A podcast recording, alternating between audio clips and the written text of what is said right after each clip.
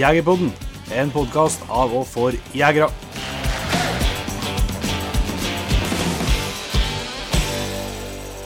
Hjertelig velkommen til en helt ny episode av Jegerpodden. I dag skal vi ha et eh, besøk av en kar som heter Ferie Nils eh, Kjøsnes. Mm.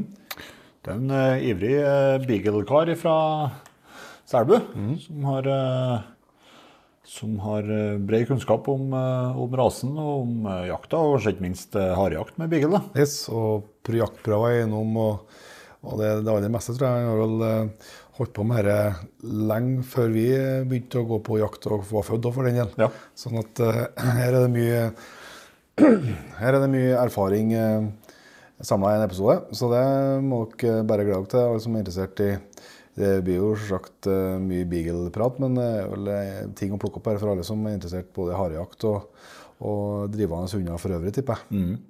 Og kanskje hvis du ikke har det, så kan det være interessant, faktisk. For det, det dukker jo alltid opp noen nye tanker og ideer når du prater med, med jegere og hundfolk rundt omkring. Sånn er det jo. Ja, det. Og så er han eh, er god til, å, god til å formidle og få fram, få fram eh, kunnskapen på en, på en god måte. Det, det er jo sånt man setter pris på i, i en podkastverden. Absolutt. Men vi har jo er jo store deler av høsten utover. eh, så har vi, de som har fulgt Jegerpodden eh, fra uke til uke, har vi klaga mye på været. Nå er det ikke bare vi som har grunn til å klage på været, tydeligvis. Nå er det, har snøen kommet for alvor eh, lenger sør i landet. Det har den. Vi, eh, per nå så skulle egentlig vi sittet i bilen og dunja nedover til, til Odalen og til Interact-prøven. Yes. Men sånn ble det da ikke. Den ble avlyst pga. Av, eh, av dårlige forhold eh, og ujevne forhold. Det er vel det som er det viktigste sannsynligvis da når det er en så stor prøve med hele 60 hunder skulle avholdes. da. Så det er klart at da er det jo greit at det er sånn noenlunde i hvert fall eh, jevne forhold eh, mellom prøveterrengene. Og det har vært vanskelig å få til selvsagt når det begynte å snø så voldsomt som det gjør nå. Så da er det ikke bare vi som klager lenger. Det er ikke vi som klager. Og det, men vi, ja, Vi har grunn til å klage, ja. vi har grunn til å klage. ja. vi har, vi har, vi har, vi har, snø, vi har ikke så mye snø. Men vi har snø, og så har vi, hadde vi mildvær, og så har vi noen kuldegrader. Så de som har vært ute i skog og mark, eh, vet hva det betyr. Det betyr eh, skrapeføre og delvis såre føtter. Yes. Ikke til oss, da. Vi berger. Vi berger. Men noen eh, loser har vi nå hatt. Vi hadde besøk i i førhelga på jakta litt, så nå litt action har det vært. Vi har hatt både noen loser og sett en del elg, men vi har ikke, vi har ikke eh, trukket noe mye i bøylen av den grunn. Nei, det, det ble litt jakting eh, forrige uke etter siste innspilling. Eh, det er nesten Ja, første der, da ble det jo Laikan sin runde. Han eh, jeg, må, jeg må si jeg syns det ser eh, veldig lovende ut med han. Ja, det, eh, han dro ut i fint søk der og stilte elg i uttaket, så han har jo på på jakta nå, på tre, på tre slipp, så han stilte, eh, stilt uttaket to ganger. Det Det er bra. det er jo litt artig, da. Um, men dere var jo sånn der, Jeg hadde jo med meg to stykker inni her som, som jeg liksom posterte ut. Og jeg sa jo til dem at uh, en av sjansen for å få skutt elg her i, for hund, det er at det kommer, at det kommer på, på post. Eh, så skulle jeg gå, gå inn på losen og prøve å skru av gårde. Og Det fikk du til. det fikk jeg til. Og det er jo sånn Du kommer jo så, du kommer jo så nært at du Jeg har kommet på sånn 60-70 meter. Du kommer så nært at du begynner faktisk å få trua på at Her det blir det. Herre blir. Eneste grunn til at du kommer så nært, er jo for at de har jo så stålkontroll Ja, på hvor du er igjen, ja. på, på hvor, at jeg, hvor jeg er. At de, eh, og da når du kommer innenfor at du nesten begynner, kan begynne å se etter noen foter og, og nå skjøt på, så tusler de bare rolig på. De, begynte, de springer ikke og der, de bare, de bare beveger seg. Men de beveger seg rett opp imot denne posten da, som satt 200 meter unna. I hvert fall der han skulle han- ja. Jeg tenkte jeg skulle formidle, jeg skulle mild, mildre det litt. Nei, ja, ja. Hvis du først uh, legger opp den banen, så får jeg tegne inn en post på kartet til den. Der han skulle sitte i. Men, uh, men uh, han satte seg ikke akkurat der, da. Men og det, ser liksom rolig opp mot den, og, jeg gikk bare, holdt på på sånn 100 meter og gikk bare og skrua på. og tenkte at nå må det noe smelle snart, for han var nå inne på sånn ja, 60-70 meter, men det var tett, det var litt mye skog, da. Og så plutselig så virka som at hun, her, gidder ikke, dette- det var ku og kalv, da. Ja. Her gidder ikke kua noe mer, så hun plutselig så bare bar seg i 25 km i timen og passerte han på 50 meter i, i skog, da. Der han sto. Og to meter bakom, der, eh, der jeg mente han skulle sitte, der passerte jeg på 15 meter i åpen, fin furu, fururabba. Der hadde det vel gått an å fått en klenk på denne kalven, men, eh, men eh, han var ydmyk og tok sjølkritikk på det sjøl, så Det er nesten glemt nå. det er nesten glemt nå. Jeg hadde nesten glemt det helt til du, helt til du tok det på banen her nå. Men, men ja, det ble noe, det ble noe kontakt og ganglos igjen. Og, og det kom noe mer over på din, på din kant. Da var vi ute av terrenget, da, men du, du var nå inne på losen en tur. Ja. Ja, sitt det. Det var jo, der var det jo, da hadde jo kommet i dalbunnen, så det var jo bært. Ja. Så der har jo ikke vært noe problem å fått avslutta. Men når ut, da var jo på feil, feil plass, da, så Ja, det feil, feil terreng. mye. Men jeg fikk noe tak i, i hunden her, da. Så det ble noe, det ble noe litt fint og kaldt inn og greier. Så nei, den er artig, artig los på den Ask, altså. Det må si. Et litt pussig losmål, men veldig trivelig. Du hører han er litt engasjert. Ja, jeg gjør det. Så, nei, det var tøft. Og dagen etterpå så var vel en bra los på en fjordokse ja, med Brutus. Men det var, eh, det var hadde vi ikke på kvota. Det var ikke på kvota, og det var heller ikke Den sto inne på terrenget, men eh, han jo måtte fly en eh, ja, par kilometer da, før det roa seg ned og ble, ble en fin ganglos. Da, da. Det var, jeg møtte han på Det ble et uttak innpå jeg gikk inn på grensa og slapp den der, og så dro han ut og tok ut den. Og så på akkurat samme plassen som, jeg hadde, som vi hadde uttak på tidligere i høst. Og så jeg skjønte hvor det kom til å komme. en. og jeg sprang og stilte meg, bare tenkte jeg skulle prøve å få snudd den da, og få holdt den inn på terrenget. Men eh, det hadde han ikke tenkt. Nei. Så vi møttes på to meters avstand inne i skogen der, men eh, han bare la ned ørene og ga inn meg gass rett forbi meg, så jeg hadde ikke tenkt å stå inni der.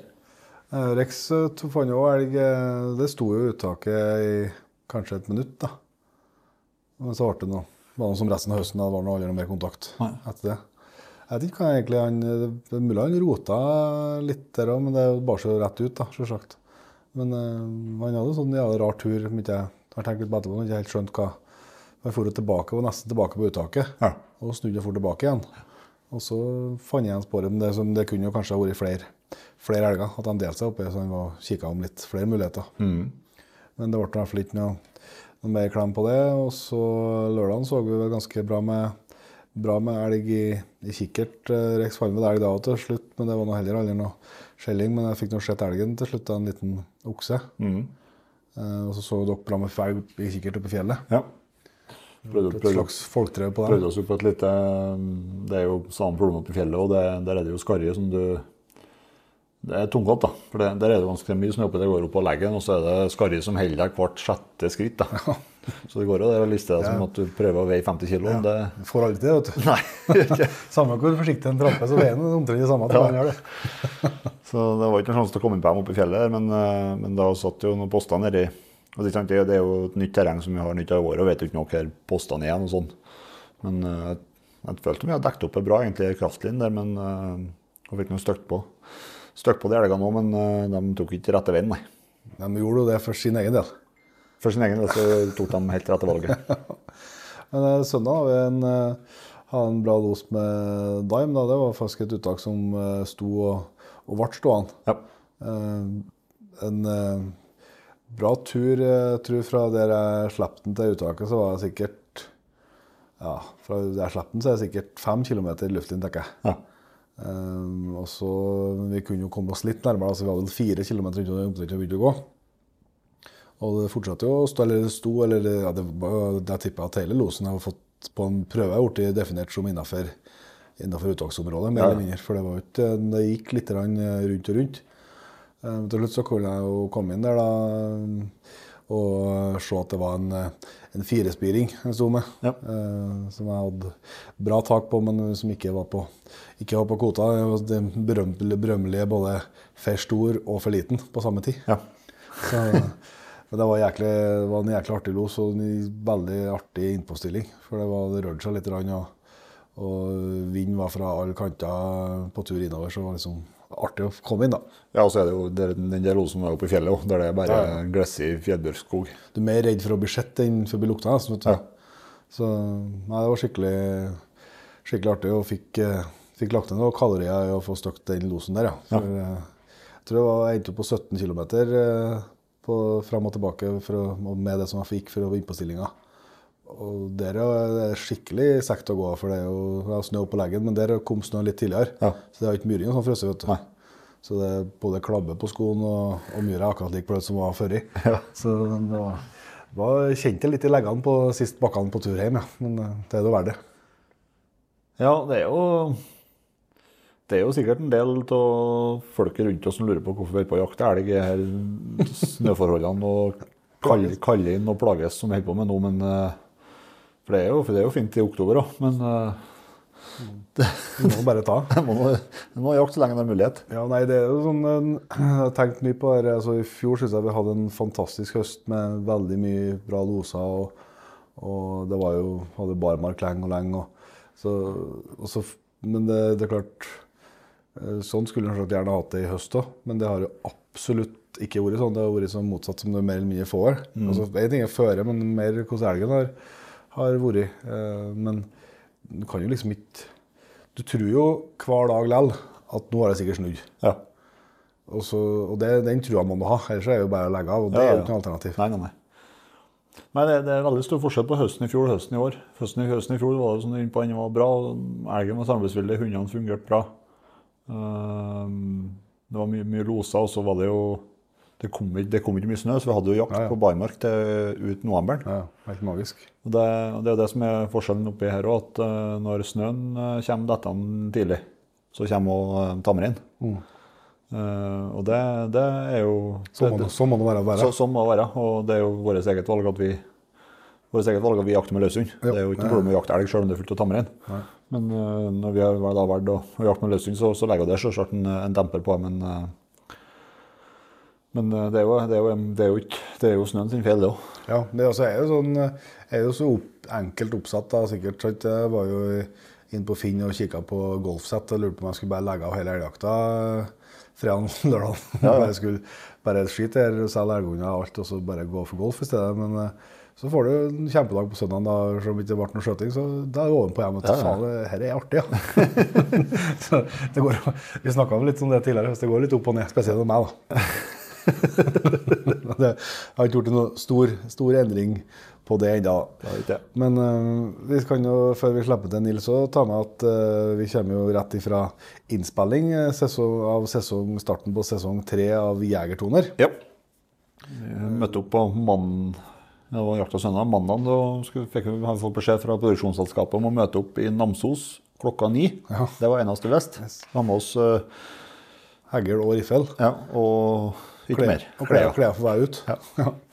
Så ble det bind for øynene og um, kjørte eh, langt om lenge, så ble vi sluppet av en plass der. Og det da um, viste seg å være en såkalt uh, challenge, da. Med jakting eh, over noe 24 timer. Og, og vi hadde jo en sånn runde i fjor. da, litt, En del nytt av året er det jo nå. da. Vi kan jo ikke eh, gå inn så mye på detaljene ennå. Det, må jo- det må jo folk få lov til å se, eh, se på TV-en eh, litt lenger på vinteren. Ja. Men eh, noen artige dager. Jeg tror, eh, jeg, tror det blir artig, jeg tror det blir en del artige episoder på skjermen. i hvert fall, tror jeg. Det blir det helt sikkert. Og så er det noen som kommer heldigere ut, og noen som kommer uheldigere ut, sånn som det bruker å være når vi er på, Når vi er på tur. så får dere da se etter hvert hvem som trekker det lengste, lengste strået. Men det er òg overraskelse med et helt nytt lag. Ja. Som ikke har vært med på Jegertoner før, og som vi heller ikke var kjent med før, før eh, helga eller dagene her. Så mm, Nei, til, før når vi hadde den her, eh, den her, eh, den her kåringa, eller konkurransen i fjor, så var det jo jeg og Magnus mot deg og Svein. Mm -hmm. Nå, I år er det jo også inn et tredje lag. tredje lag. Og det, men, men knivinga meg og Nordlands Tropet mot uh, deg og trubaduren, den opprettholdes. da. Så mye, så mye kan vi si. Ja. Så får vi kan vi komme tilbake til, til resultatet. Men eh, da kan vi vel kanskje bare slippe til en eh, Nils, tror du ikke? Det gjør vi. Da har vi gleden av å ønske Nils Kjøsnes hjertelig velkommen til Jegerpodden. Takk for det. Og takk for at du åpna hus og hjem for at vi kunne komme og få ta en prat med deg om eh, store lidenskapen med bigler og harryhunder. Bare hyggelig. Så, men vi, vi skal prate om eh, mye forskjellig, vi, Nils. så- vi, må bare komme i gang. da. Du kan få starte med at du kan si noen ord om deg sjøl. Ja, jeg har nå blitt pensjonist, da. Det ble jeg i fjor, så jeg blir jo 66 år her nå det er, denne høsten her. Så det betyr jo at eh, jeg har jo mye bedre tida til å holde på med det som jeg absolutt liker best nå. Nemlig å få ut med hundene og få på jakt. Ja. Hva har du jobba med tidligere? da? Ja, Før så har jeg jobba i skoleverket. Var en del år som lærer. Og så har jeg jobba som rektor på ungdomsskolen i Selbu da, i 30 år. Så du har uh, hatt mye sånn uh, ungdommer som ikke oppførte seg på kontoret opp gjennom eh, 30 år på i Selbu. da. Jeg har vel uh, hatt besøk av noen som jeg måtte ha snakka litt ekstra med, men, eh, men eh, flesteparten eh, av ungdommene er veldig greie. Ja. Og eh, de er opptatt av å lykkes, og, de oppfører seg stort sett veldig greit. da. Så det, det etter vi har drukket litt kaffe nå, så kjennes kanskje ikke ut som rektors kontor og er så skummelt at det er som det høres ut som. da. Nei, du vet at det der ble jo, eh, ble jo brukt affære. Det, vet du, at det ble jo trua med rektors kontor. vet du. Men det, det, det fungerer jo ikke sånn. Eh, vi, vi snakker om eh, altså Noen ganger så kommer det ungdommer innom og, og, og slår av en prat òg. Ja. Og det er, jo, det er jo hyggelig, da. Ja. Ja. Det er sikkert noen jaktinteresserte ungdommer som visste at han rektoren var litt interessert i jakt, han òg. Ja da, noen øh, gjorde nok det. Gjorde nok det. Men hvis vi tar, tar om jakta og interessen for vilt og dette, for din del, hvordan starta det? Er det medfødt, skal jeg si? Nei, jeg har jo først og fremst så har jo en far da, som, eh, som drev med elgjakt. Han drev ikke med annen type jakt, men han drev med elgjakt. Så, så sånn sett så ble jo det her med, med elgjakt om høsten det var jo på en måte et, et litt sånn høydepunkt og spenningspunkt også, da. Ja, ja. Fra når jeg var, var guttunge. da. Og så eh, ble det jo Vi fikk til en eh, beagle når jeg var guttunge, Ja. som familien hadde. Det var ikke noe spesielt, ble ikke noe spesielt god jakthund, for hun ble ikke, eh, ble ikke bruka så gærent mye på jakt. da. Nei, nei. Men eh, broren min han eh, var nå ute noen ganger med den. Jeg ble jo skutt i horra for henne, men, eh, men eh, kanskje interessen for, eh, for jakta ble jo vekta gjennom en far med elgjakt, og liksom broren min da, som begynte å være med kompiser og, og, ha med hund sjøl Ja. på, på horrejakt. da. Ja, for det er jo et eh, Selbu, og det er jo det er kommune der jakta står sterkt. Ja, det er jo spesielt elgjakta. da. Ja. Det er jo veldig mange som er involvert der. Men eh, det har jo vært mye horrejegere oppi her òg, da. I, I mange år, da. Ja. Og Trøndelag Harenklubb de har jo, har jo fast eh, jaktprøve oppi her hver høst. eh, som heter for Selbuprøva. Det var jo nesten som en institusjon å regne den i harundmiljøet. Ja. Så eh, den eh, eh, jakta har betydd mye for, for mange oppi her, da. Ja. Det vil jeg tro. ja.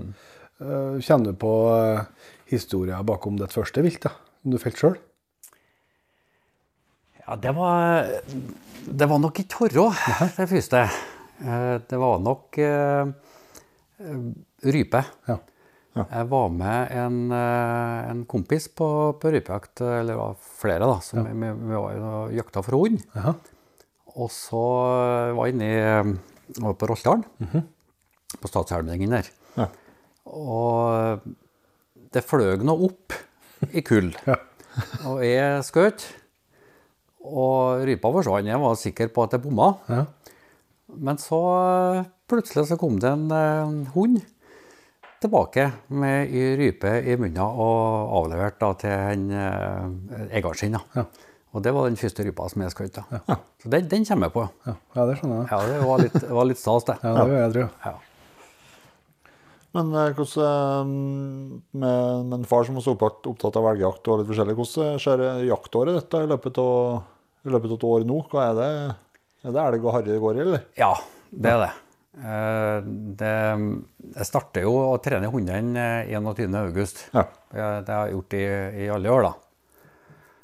Og da blir det sjelden ja, altså Jakta starter ikke før en kjenner, da. Nei. Men uh, det blir jo ikke uh, Bruker sjelden uh, hagla uh, første måneden, egentlig. Det går på å få hundene i form. Og så er det nå elgjakta da, som starter den 25.9. Og da er det nå elgjakt uh, første uka og stort sett alle helgene i, i oktober utover. Hender det at, at det blir noe rådyrjakt i, kan du si, i november? På de eh, områdene som vi jakter elg, da. Ja. Det varierer litt. eh, Vi har hatt mye rådyr der, men eh, mindre nå pga. gaupe i området. Så er, men så er det noe ut med hunndom da, og horrejakt kan du si, resten av året ut februaren. da. Og noen ganger har det blitt litt innslag av røverjakt. Ikke med mine hunder, men med, med Vegard og sønnen min sine hunder. da. Og litt åtejakt. da. Ja, for du var ganske ivrig på åtejakta med en periode. Ja da. Det var, det var det litt sånn det, det er spennende. Ja.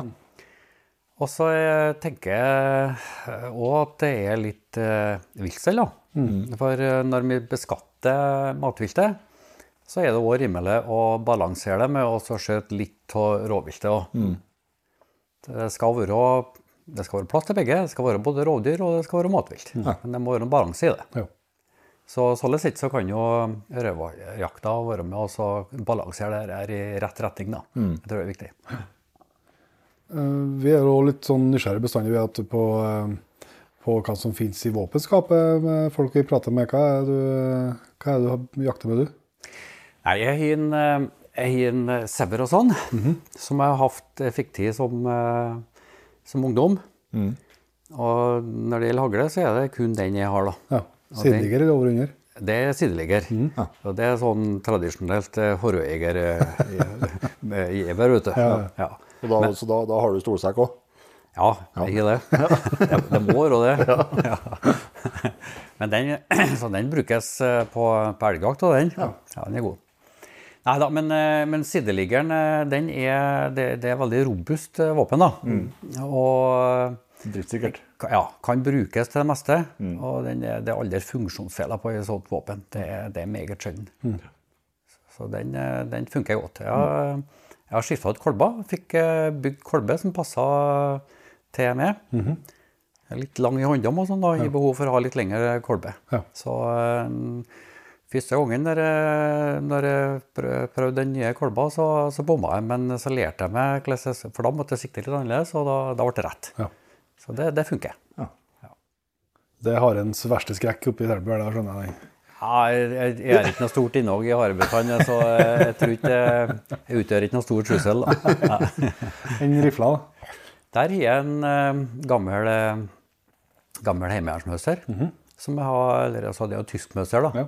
Som er 3006, som er, er ombygd. Ja. Og den, eh, den går godt. Den eh, skjøt jeg veldig gode samlinger med. Jeg har hatt den, eh, jeg fikk noe tid den da jeg var ungdom. Og eneste jeg har bytta på den, det er kikkertsikta. Ja. Og så bytta jeg stokk, da. Ja. Men jeg skjøt gode samlinger med den, altså. Så jeg har vært heldig med akkurat den. Ja, så jeg ikke ja, men... trengt å skifte løpet. Det er jaggu skutt mye elg på tyskpølser i Norge, ja. Ja, det er det. Og det er jo eh, det spesielle med den er jo at den òg er veldig funksjonssikker. da. ja. Det er en sånn eh, Det er ikke liksom eh, de mekanismene som glir litt av, på en måte, men de er, men de, det er aldri noe tull med dem. Nei. Det tåles å være hardhendt, de greiene der, ja. Ja, det gjør det. Du, men det, det vil jo si at du har ikke, du har ikke kasta bort mange kronene på, på våpen i jaktkarrieren din? Ja. Nei, det har jeg ikke. Heller ikke på, på klær og utstyr. Nei. Jeg har aldri vært opptatt av det. Når vi starta med, med, med harrejakta her, så var det bømmersklær vi har på. Ja. Og det er jo Jeg har ikke det nå, nei, men, men det er jo noe det likeste du kan ha. Ja. For det blir bløtt, ja, så er varmen like godt. Så, Vi, vi går i det sjøl, vi. ja, Men det ja, blir, det blir tungt. ja, det er litt tungt. Det det. Hvis det blir bløtt, så. Ja, det blir bløtt, så. Ja, men Det er eh, Fantastisk klær. ja, søkkfint, eh, spesielt når det er kaldt. Ja, ja. Det er ikke noe tvil om. Og så skal vi jo snakke mye beagle, og det er jo to beagler i lag med oss i rommet her. Det er de to hundene du har i dag. Ja, Det er mor og datter. Det er mor og datter, ja. Så jeg starta jo faktisk med kjøpt min første beagle da i var jo 77. Jeg var 20 år da. Det var, ja, det er ikke den du snakka om i stad, den familiehund, skal jeg si. Det var din Nei, første det var den eh, etter der. Ja. Ja. Så da fikk jeg til den. da. det var jo familien sin, da, men det var jo, det var jo som, det var jeg som fikk til den, da, på en måte på- i navnet. da. Pådriver. Ja. Ja. Som var registrert på meg. Ja. Så den fikk vi til av Peder Solheim, som eh, kanskje var en av de mest kjente da, i beagle-miljøet i Norge på den tida. Ja. Han, eh, han har gode hunder. Og eh, når eh, vi, vi lånte, jeg og broren min vi lånte eh, beagle-tispe til han som vi holdt på å jakta med. Så når eh, hun ble para med en eh, svensk dobbeltsjampion som heter for Timmy, så eh, fikk vi til kvalp. Og det ble stamtispa da, i oppdrettet mitt. da. Ja. Heter for Heia hun da. Han, Peder Solheim har navnet Tuvlia. Ja. Tuvlia Seia. Tuvlia Seia, ja. ja. Og det var, jeg kan jo gå litt bakom der òg, for besteforeldra til, til den bikkja da, som, som jeg fikk til, de var jo litt, litt legendariske. Ja. m- eh, bestemora det var og Montebello Spella, heter hun. Var dobbeltsjampion. Og, men hun var søkka god. Og det var kritikken på jaktprøve ble gjengitt i Jakt og fiske og sto på trykk der. Jeg tror de, eh, da ble det skrevet mer helt sånn utførlige kritikker fra hva som he- hendte fra du slapp hunden til du kobla. Ja. Og det sto jo der at de, de, eh, de så horrene fra samle plassen. Eh, Jeg kommer ikke på antallet nå, men det var over 20 ganger. da. Ja, blant annet- blant annet, ja. De har en veldig bra dag. Og, og bestefaren, det var ikke for Pann. Det var en Sverre Draksen, eh, og fra Selbu, som, som hadde. Og det er den eneste beaglen som var kongepokalvinner på jaktprøve. Og det var i konkurranse med støvere. Oi. Ja. Så, hen, og, så det var utgangspunktet for- for den der linja er- Er bra, ja. bra da. Ja. Og du har holdt deg til den eh, linja hele veien, da? Ja, han har gjort det, da. Jo, det, der er jo, det er jo litt tilfeldigheter hvor du starter med for noe. Eh, altså, hun, Heia hun ble jo ble en veldig god jakthund. Og ble skutt i mye horror for henne. Ja. Jakta, ble, var mye mer jakt i den tida. Ja. Så, eh, så det, det ble jo Ja, Søveren var med, eller server og sønn var med litt oftere ut? Ja, han var med det. Ja, men da når jeg for da, så var det med tanke på å få til viltet, vet du. Ja, ja. Og, så hun Jeg gjorde det bra på jaktprøver, og jeg var jo veldig godt fornøyd med og derfor så fortsetter du. Ja. Hvis jeg har vært uheldig med den bikkja, så har jeg kanskje havna på en helt annen rase. ja. Ja, ja. Så, så, det, sånn er, litt- så det er litt tilfeldighet her hvor du, du starter med. Hvor Da. lander han, ja. Ja. Men, eh, men beaglen er jo Jeg ser jo at den har jo noe fortrinn òg. Så den, eh, den er jo litt mindre da, enn en støveren. Eh, Fin å ha i hus. Det, er, det er veldig familiære, eh, snille hunder. Lett å ha med seg. Ja. Og så tar det ikke så gærent mye plass. da. Nei. Nei. Verken i hus eller bil. Ja, jeg har også bil nå. Jeg tenker på med ferie. Jeg har tre unger her, og mm, ja, vi har på MS har vi tre, tre hunder. Ja. Vi for på, eh, for på hytta med utstyr og alt, så hadde vi tre hunder. Hadde skulle hatt en, en stor hund, da, måtte hatt et ekstra bur i, i, i bagasjerommet, men det, ja, da hadde du ikke fått ned så mye attåt. Men hundene de lå på passasjersida på kan du si, nede i Gelvi. Ja. lå rolig der. Men du sa det, to andre har noe, det er mor og datter. Hvordan, hvordan ledd eh, i generasjonene er det? Ja, Den yngste her, og nå er det sjuende generasjon det, av eget oppdrett. da. Ja. Ja. Så det er litt artig, da. Ja, det, det er bra. Og det er jo eh, stort sett sjampioner hele veien. Ja. Ja, det. Eh, Du kan jo kanskje vi skal, Du er jo en, en beaglemann på din hals og vet mye om beaglen. Hvis vi tar litt om historikken på beaglen, er det, det er en engelsk rase i utgangspunktet? Ja, det er en engelsk rase. Altså den øh, første, første gangen de registrerte at navnet beagle ble brukt på hunder, det er på 1400-tallet. Det er så gammelt, ja. Ja, I England, ja. Ja. Og øh, altså den, den, der så ble den jo bruka på en helt annen måte enn i, enn i Norge. ja, altså den uh, Beaglen ble bruka til å altså jage i pack. Ja, det vil si at du, du slipper hunder på ja, mellom 10 og, og 30 hunder sammen. En hel flokk med biler? Ja. Og de var ikke så gærent store, så bigen den færte til fots. Ja. Så England har altså utvikla dette i to retninger. Du har bi- mm. som du drar til fots, og så har du en, en, en eh, foxhund, eller en herjertype, som òg ble bruka, da, men da bruka de hester. Når, de, når de bruka dem, da. Da var det kanskje mer eh, ble røverjakt og litt forskjellig. Men, eh, men eh, beaglen, han, eh, han eh, ja, I England, da. Så han bruka ikke våpen vet du, når de, eh, når de for der. Det var, det var hundene som tok årene. Det var packen. Ja, altså, det, var, det var mer sport, rett og slett. da. Ja. Så litt, litt spesielt, da. Ja. Var det. Men nå er jo, nå er jo jakta eh, i England forbudt. Mm. Nei, det- men er ikke så- det er ikke så forbaska lenger. Nei, med drivende hund. 2004, tror jeg. Ja, for jeg husker, var- jeg husker Ja. på at det var liksom skriving og snakk om at det var slutt. I hvert fall på den revejakta, da. Ja. Med det her eh, pakkene. Ja, men det, det er slutt på, på Høre òg. Ja. Så Men det er jo ganske spesielt for Norden, det. Det med at vi bruker én eller to. Altså at å bruke én hund på, jag- på, i, sånn som USA og sånn som var gjerne Ja først også, så Ja det, og det skjer nedover Øst-Europa, så er det jo er det jo, det er jo snakk om at du slipper en flokk med hunder, liksom. Ja. Nei, det, det er nok det. Eh, så du kan si at i eh, de her nordiske landene, med Norge og Sverige og Finland, så jakter vi på samme måte. Og helst slipper jeg bare én hund, da. Men når begynte de, begynte de å komme til Norge? da? Du snakka om 77, og du fikk det første, men da var det jo allerede noen gode hunder bakom der. så... Ja da. eh, De første de kom vel eh, midten av 1800-tallet. Ja. Og eh, baka, altså Dunkeren, som er en norsk rase, der ligger det òg faktisk noen bigler bakom. Ja. I, i stamta- stamtavla til første dunkeren. Var med og danna rasen, da. Blant annet. da. Det var sikkert blanda sammen ganske mange ting, da. Men eh, du kan si at eh, det tok ut fart det der uh, før eh, ja, midten på 1950 og utover. Ja. Da ble det, ble importert noen hunder fra England. Og ikke minst fra Sverige, da. Men eh, Sverige henta jo hundene sine stort sett fra, fra England. da. Ja. Så da eh, skjøt det fart utover. Det ble eh, mer og mer populært. da. Som harahunder. Som harhunder, ja, for å begynne med. ja. Ja. Så etter hvert så, så ble det jo tillatt å bruke eh, beagle på, på klovdyr, på rådyr. Og det var nok òg med at også eh, Det bidro nok eh, ganske mye til utryddelse av beaglen. Ja. Ja, den ble populær, da. Hva, du sitter jo i avlsrådet, så du har jo god innsikt der. Da. Hva er litt sånn statusen for beagle i Norge nå? Hva, det er fortsatt en veldig populær rase.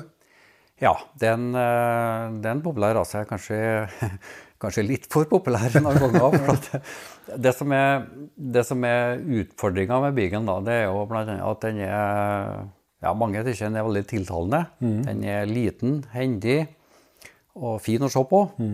Og dessverre så er det mange som, eh, som kjøper seg beagle da, for å ha som eh, skjødehund. Ja. Med ren familiehund, skal Ren jeg si. familiehund, ja. ja. Så sånn sett så har jo eh, Beagle da tatt to retninger. I, den gjorde jo det i England òg.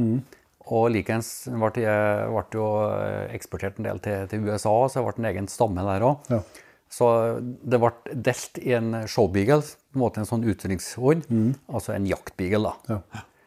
Og eh, det ser vi jo i dag òg, at det, i Norge så er det en del som begynner å importere beagler fra rene showlinjer. Og ja, er du heldig, så kan du få en del bra jakthund, men jeg sier det, det er jo ren bingo, det. da. Ja. Eh, Det er, jo- det er nok eh, mye større grad sjanse for å mislykkes, for da vet du ikke hva som ligger bakom. Kjøper, kjøper du en beagle fra rene jaktlinjer, som er det dokumentasjonen i flere generasjoner bakover, så er sjansen for at du skal få noe som er bra, så, så mye, mye større. Da. Ja. Ja. Har du noe eh, eller det jaktblodet på beagle? da, I, dag finner du liksom det i hovedsak i Norden, eller brukes de fortsatt i England som, som jakthunder, eh, som mer som vi bruker dem? liksom, eller? Det er, jo, det er jo mer sport der, da. vet du. Altså, nå må du jo Ja, nå har du ikke lov til å slippe på, på, på Hørå, da. Ikke én og én, heller? Nei. Nei. Eh, Så, så der eh, må det være noe sånn substitutt. Ja. Et eller annet som du bruker.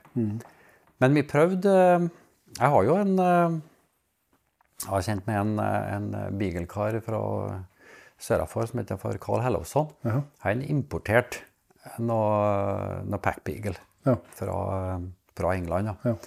Og så en hannhund som jeg, jeg para med. Mhm. Og to av til tispe fra det, det gullet. da. Ja. Så artig for å prøve det. Ja. Og det ble, aldri, ble ikke noe aversjon, for at, eh, det var ikke aktuelt å avle på, for at psyken var ikke helt som den skulle være. Nei. Men hun ble en veldig bra jakthund, så hun ble jo sjampion òg. Ja. Jaktsjampion. Og det som var også litt spesielt med den bikkja, Jeg ja, var stor og kraftig, da, men hun hadde et veldig godt søk. Og det er liksom eh, midt imot egentlig det som en kanskje skulle anta på forhånd. Ja.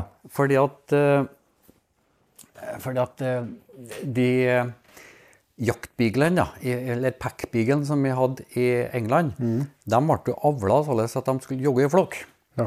Så de, de hundene som var individualister, og på en måte for litt på egen hånd, de ville ikke han bruke. Nei. De ble kanskje slått i hjel, eller, eller, eller rett og slett eh, Satt, satt bort. sært. da. Ja. Ja. Man kvitta seg med dem iallfall.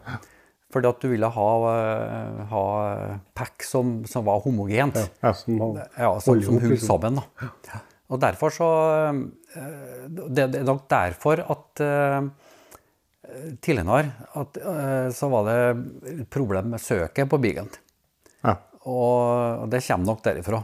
For at de fikk ikke muligheten til å utvikle søket sitt. da, vet. Eh, Men tilbake til den, eh, den, den dispa som jeg har hatt her. Hun, til tross for det der, så har jeg et veldig godt søk. Da. Og slo ut og, og fikk med seg terrenget. Så det, det er ikke noen regel uten unntak. Nei, nei, nei. nei. Men hvordan er liksom Det skjønner, skjønner jeg litt vanskelig å svare på, men eh, har du noe sånn cirka annerledes, altså, antallet biler i Norge, hvor mange er liksom hvor mange av dem er jaktbiler, og hvor mange er, er renner? For med statistikkene som dere har, så er det, det er hele antallet biler registrerte. Ja. Nei, jeg vet ikke, rett og slett. Men, men eh, sånn i snitt eh, gjennom år, mange år så har det vært registrert eh, underkant av 300 biler Ja. i Norge. Så hvis, eh, hvis jeg skal gjette, men det her blir, det blir, ja, det blir, det blir ren gjetning, da, men i hvert fall eh, halve eller 150 til 200 kanskje, eller, eller ja, knapt det. Eller, Jeg er jakt, også. ja. Resten. Dessverre så er det mye, mye som går til som bare familiehunder. da. Men det er jo altså sånn Hvis man måte har kontroll på linjene og, og alt sånn, så er det jo ikke noe problem heller, da. Altså Neida. sånn, så, lenge, så lenge man på måte er, er nøye i avlen og, og, og valpekjøperne er, er, følger, følger med, da, som skal ha en jakthund, så går det jo greit, ja. Ja, det er jo det, det, er jo det vi, vi understreker mye da, altså, eller anbefaler, da, at mm. når de skal få til seg en eh, beagle for å gå på jakt, så se på, på stamtavla og se på det dokumenterte jaktegenskaper. Ja. Det er nok til dem som kan eh, si at eh, ja, han er veldig, veldig god på jakt. og Det kan godt hende at, at de er det. Ja.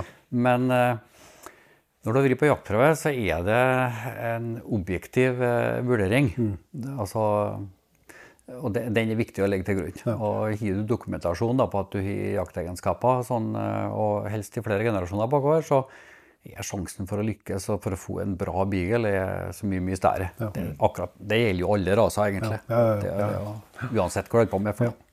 Men hva, sånn med såpass eh, mye registrerte hunder, altså, det, det er greit å få tak i seg valp hvis en har lyst på en, eh, en jakthund som heter beagle. Da. Ja, det, det er det. Ja. Ja.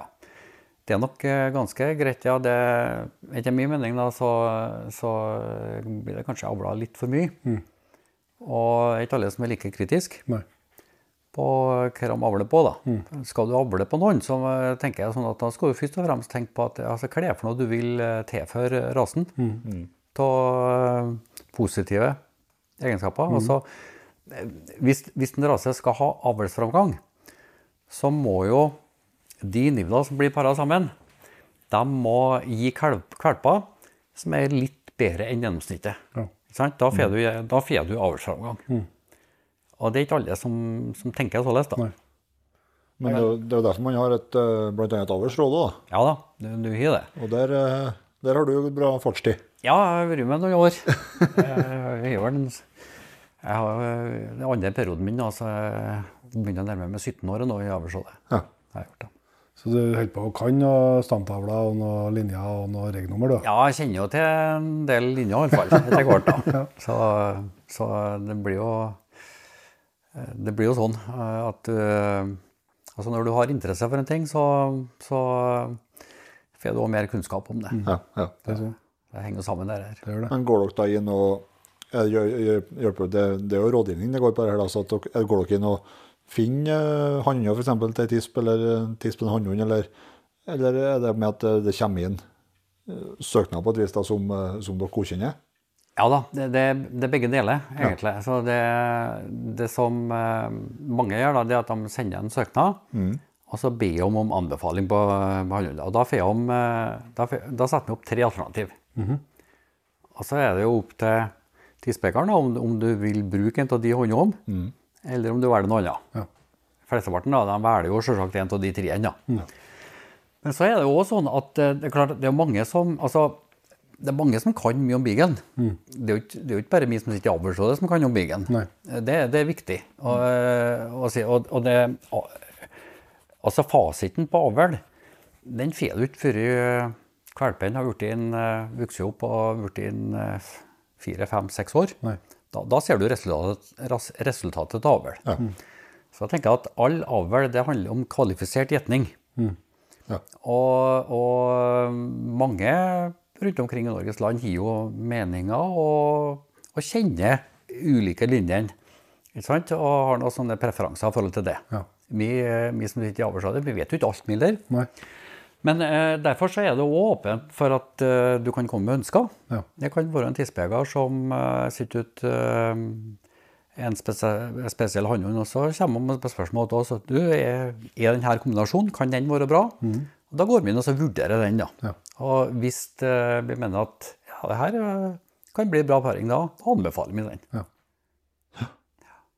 Så det, det, det er litt viktig å, eh, viktig å understreke det at eh, selv om du sitter i avlsrådet, så, så er du ikke allvitende om, om, Du er ikke eh, opphøyd om i- alt som alt. Nei. Det- Så en skal være litt ydmyk for det. Ja, det er klart. Det er Ja. Men vi, vi setter jo, er med og setter noen rammer Ja.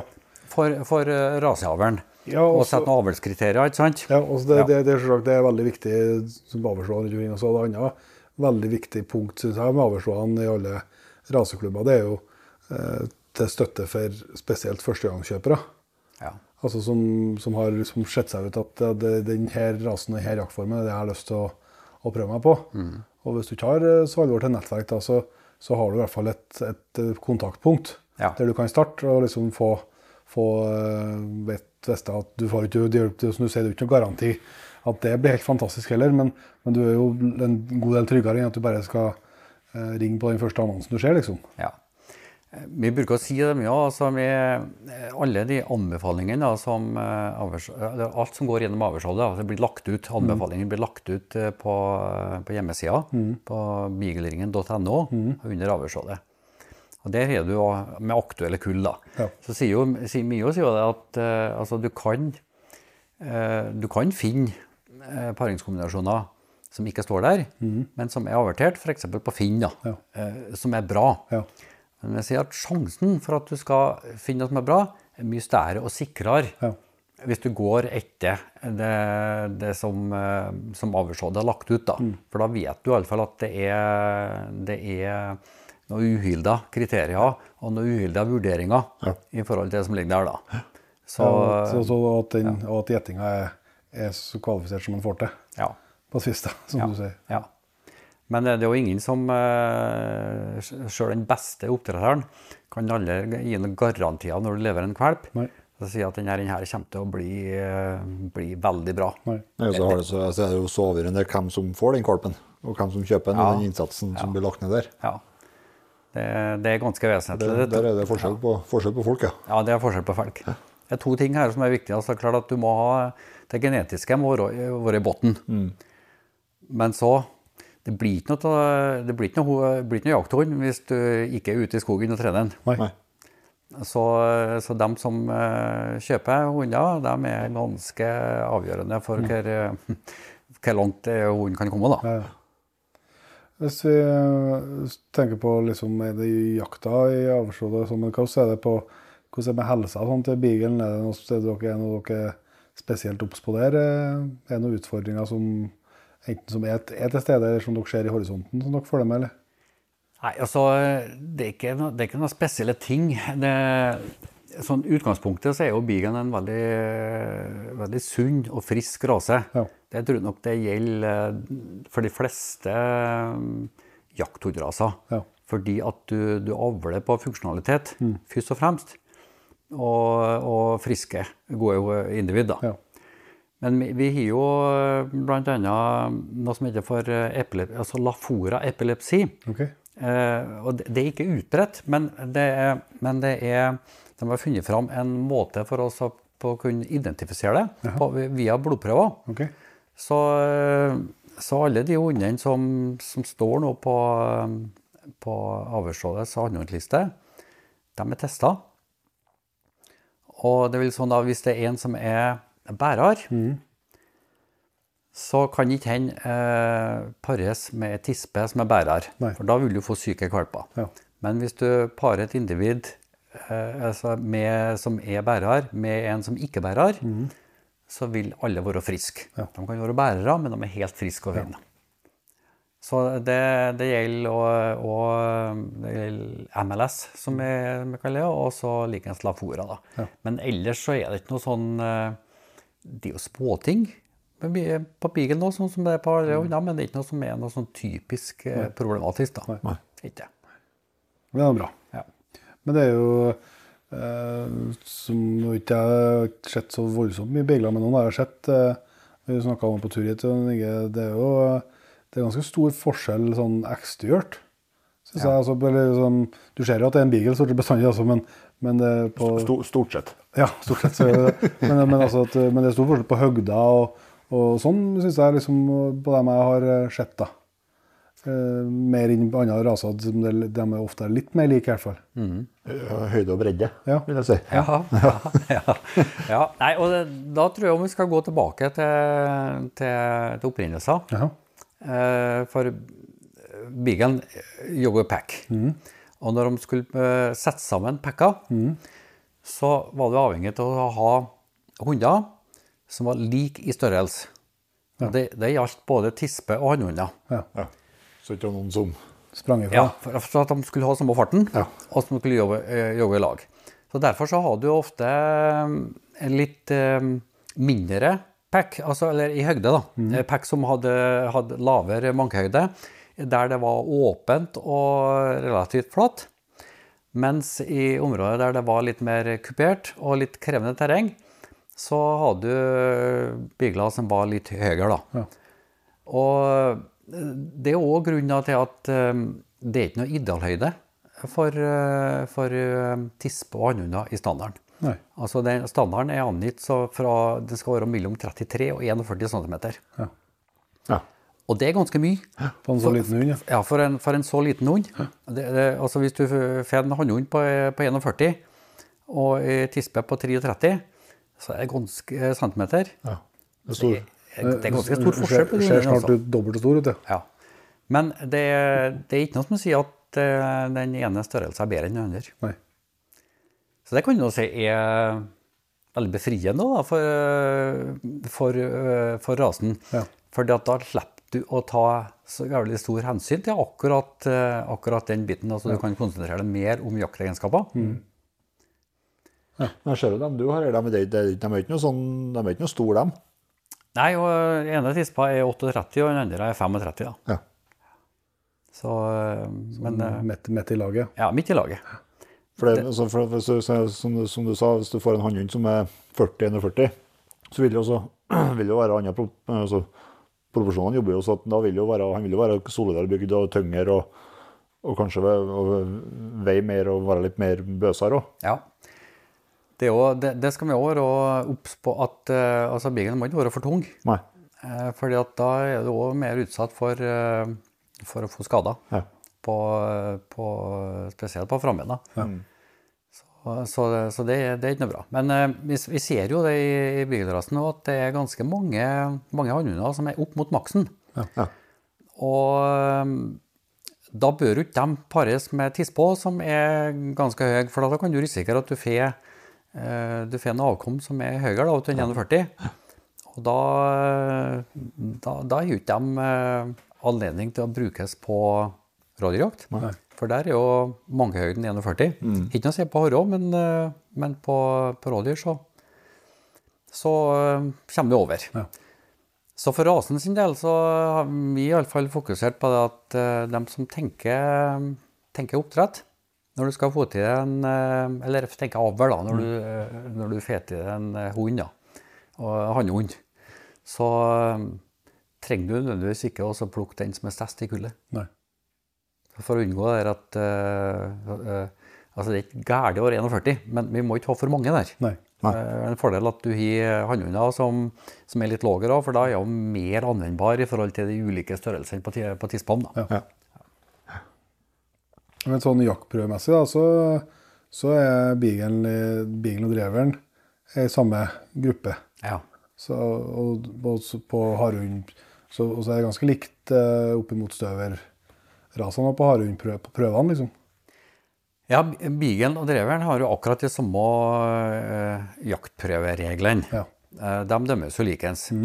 Det som er forskjellen i forhold til, uh, forhold til støvere eh, på, ja, Det er jo først og fremst at, eh, at dreveren og beaglen kan brukes på klovdyr. da. Ja. Mm. På, på rådyr og hjort. Men eh, du har òg forskjell i lostid. En eh, støver må ha to timer eller 120 minutter los for, å, for at du kan få en førstepremie. Mens en eh, drever og beagle må ha 90. Ja. Og det handler vel òg om eh, at eh, du har samme reglene nå da, på om du jager rådyr, røv eller horre. Ja. Og da er det ikke om å gjøre at eh, rådyra skal jogge oss lenger enn 90 minutter. Nei. Det er vel det som ligger bakom det der at det ble forandra i sin tid. At det ble tatt ned fra, fra Ja. to timer til en halv time. Ja, for uh, når jeg starta med Beagle, og, og det første championatet på Beaglen som jeg fikk da, da måtte jeg jogge to timer, sånn som støveren. Ja. Ja. Men eh, jeg, jeg tenker noe sånn at uh, flesteparten da, som klarer å gå 90 minutter, de klarer å få til to timer. Det var sikkert et par timer til. òg. Ja, det kan de nok òg. Det, det, hender det òg, ja. ja. Akkurat. Ja. Men for, du er jaktprøvedommer. Ja. Du, må, du kan jo ta oss litt igjennom de eh, momentene som er på en eh, jaktprøve på, eh, for eh, småhundene. Ja, altså det du starter med, da, eller altså det, det er noe som heter for jaktlyst. Og den er jo, den, det er på en måte grunnlaget, tenker jeg, i forhold til alle jakthunder. Ja. Altså du må, ha, du må ha drivet i det, du må, du må ha lysten til å slå ut, til å jobbe. Og det gjelder jo om det er finvær eller om det er dårlig vær. Ja. Så ønsker vi at, eh, at hunden skal stå på like hardt, ikke sant? Ja. Så den, men det er en, eh, jaktlysten det er en sånn totalvurdering da, kan du si, i løpet av en jaktdag, da, Ja. Som du gir poeng etter. Så har du jo søket, eh, altså utslaget på når, du, når, når hun eh, skal lete seg fram da, til, til det viltet en skal, skal jogge. Hva, Og- hva må søket ligge på for å få toppscore på Nei, altså det Hvis du skal ha toppscore på søk, så må du ha eh, Ja, det, det varierer jo litt av vilttetthet, da, men, det, men det er klart at det, det står ikke angitt noe antall meter eller, eller eh, antall minutter. Nei. Men, eh, men jeg tenker det ideelle på en, eh, på en hårhund, ja. Eller om du skal på jakte rådyr mm. så er det sånn at når du går ut, eventuelt stopper opp, skal hunden slå en sirkel rundt det. Undersøke terrenget. Og hvis den eh, da ikke finner noe, og du står videre, så skal hunden eh, slå ut mer. Da skal den gjøre enda en større sirkel. Og ideelt da, så skal du se gå ut mer og mer, ikke sant? Ja. Til du, til du finner vilt, da. Så, eh, så, så beskriv det her i liksom antall, antall meter, eller hvor lenge du skal være borte. Det er litt vanskelig, da, men, men at du skal ha en søk på et kvarter, 20 minutter opp imot hærtimen eh, etter hvert, det, det, det er rimelig. Men det står ikke angitt noe sånt i, i Det er mer mer subjektiv vurdering. Det, Ja, og da, det blir det. Blir det. Mm. Ja. Vilje, vilje til å undersøke terrenget. Det sier du ganske godt, da. Men søket det går fra, fra, den, fra de har sluppet hund, og til at de går i en fot. I en fot da. Tert du kommer på fot. Ja. Ja. Og det som er fint, det som er annerledes i dag, da, det er at du hiver peilen. Ja. Og da ser du jo ofte og, når, når den kommer i fota. Ja. Altså er det på, på rådyr så er det jo ofte at det blir, det blir mye raskere uttak. da. Ja. Eh, noen ganger så tar du ut rådyret på, på overvær òg, Ja. men eh, ja, foten der kan jo bli litt lengde på noen, noen ganger. Men, men eh, typisk på horre det er jo at eh, da ser du at den holder på i samme område i stund. Og Da, skal da, da vet du at den er på, på, på fot. Og skal gjerne være litt støting. Ja. Altså, det, det skal ikke være for mye støting. Nei. Altså, Jaktprøvereglene eh, sier jo at du tillater litt mer, litt mer støting eh, på foten enn på tappet. Ja. Litt strengere der, da. Okay. Men du kan eh, ha, ha noe støt og så få full score. Ja. Eh, Men er det her med fot er det et eget moment? ja. Ja. Arbeid på fot. Ja. Ja, det. Så, eller arbeid på fot, evne til uttak, står det. ja. Og for å få toppscore der, så må du ha, ha to uttak Ja. på, i løpet av en dag. Ja. Altså, Ikke gjentak, men altså, du må ha uttak på nytt losdyr. Ja. Ja. Og da, men, på, på, men det er ikke altså, Om man jobber godt eller dårlig i fot, hvordan vurderer du det? Nei, det, det ser du jo på, på måten hun jobber på. Ja. Altså om en eh, gjør eh, eh, skikkelig runder, mm. og om en blir gående til, til samme opp igjen og opp igjen. opp igjen. Ja. Altså det, men det, det er den der evnen til å, så, til å komme seg ut av fota, Ja. og så prøve å finne avhoppet der, eller der, der, der Utsporet, liksom, ja. Ja, utsporet, ja. ja. Så det er ofte avhopp i forhold til, til hårhund, ja, Ja. eh, men, eh, men det er utsporet. Ja. Ja. Har hun har hoppa inn, vet du. ja. Har hopp. Men uh... Og så, handler det jo litt om hvor lang tid en bruker på det der. da. Ja. Ja, For det skal ikke ta altfor lang tid liksom, å få den på fotene. Nei. Nei, ikke altfor lang tid. Nei. Det kan jo, men, men altså der, der ser du jo jaktlys nå. Altså, hvis det er veldig vanskelige forhold, det kan jo ta flere timer. Mm. Det hender jo at en, at en eh, hund kan gå, gå flere timer på fot. altså. Mens andre da, de, de gir opp da, Ja. Tidligere, og så eh, prøver du på nye terrengdeler i stedet. Men det vil si at GPS-en er blitt et eh, nyttig mm, arbeidsverktøy for, eh, for dere som dommere. Ja. Du, den, eh, du, du ser jo hvordan hun jobber på en helt annen måte. Det, ja, det gjør det jo som hundeeier òg. Det var jo på en måte en sånn eh, liten revolusjon der når du fikk den der peilen sjøl. For at da plutselig for, for færre så Ja, du visste at hun var ute og jobba, men du visste ikke hva han holdt på med, og du visste ikke hvem var en. Nei. Om man gjorde blåbær, eller om man var Kanskje, kanskje lå inn bak et tue ti meter fra deg. Nei, ikke så galt, da. Men, eh, men eh, poenget er at nå, nå vet du mer med, med, med sikkerhet. da. Og, eh, og, det, og da, da sier du hvordan hund jobber, jobber, og hvordan den gjennomsøker terrenget. Men uh, før vi fikk pein, så tenkte uh, nå jeg i alle fall at det var en, faktisk en fordel med hunder som støtt. da. Mm. Så du vet, at- vet at de var på fotet? Ja, Ja, både på foten og tapet. For da hvis du, fikk du høre noe glefs, så vet du at nå er hunden der, nå er han på fot. I forhold til en hund som eh, ikke sa noen ting. Ja. Da, da visste du ikke noen ting før du eventuelt fikk en los. da. Men når momentet liksom evnen til uttak, da, eller det er ferdig, da er losen i gang, da. Det er losen, ja. Det, og det er jo det med å holde eh, losen i gang, da, det er jo en søkka viktig egenskap. Altså det er med, når du skal ha en god jakthund, så, så er det der med også evne til å finne vilt, og evne til å holde losen i gang. Ja. Det er det som er det viktigste momentet. da. Ja. Ja, det er på å holde losen i gang, da. det er jo det som er, gir mest score. da. Ja. Så det, det handler jo om hvordan hvordan, hunden jobber òg, da. Ja. For, for eh, i alle loser så blir det noen, eh, noen tap. Ja. Om den blir kort eller lang, det kan variere, men altså om eh, en, en hund som har effektiv, altså jo- jobber effektivt og, og er flink til å, så- til å så runde, den eh, en har jo en større mulighet til å så holde losen jevnt i gang. da. Ja. Så det blir en jevn los. da. Så det, Du snakka, om det før her, at, um, at du sier at hvis du har en tapsfri los, så det kan fortsatt være et tap, men alle Hvis det skal være et tap, så må det, da må det være over fem minutter. Ja. Ja. Og det er jo mange altså, mange ganger at du, det er hunder at du, du streker enten 90 minutter eller 120 minutter på en støver. Ja. Eh, der det ser ut som altså, det, det, er en- det, er en, eh, det er en los da, uten noterbare tap. Ja. Men det har vært noe tap. Ja. Det kan være et tap på 4,5 minutter. Ja. Det kan være et tap på 1 minutt. Men det er klart at de hundene som klarer det, de er ganske, de er ganske effektive. Da, da kan du si tapsarbeid, måten de jobber på. De er systematiske. Er det gjerne at da, I stedet for å drive nøst i tapet, så slår de litt større ringer, så at de finner utspor på det? Ja, eller? altså, Horrollen den, eh, den odder jo ofte, da. Det, det, det kan jo rådyret faktisk gjøre òg. Det har jeg sett. Jeg har dømt, en rådyrlos der, eh, der rådyr odda faktisk og komme tilbake til små sporer. Og så, Ja. så når- hunden kommer enden på sporet, da, Ja.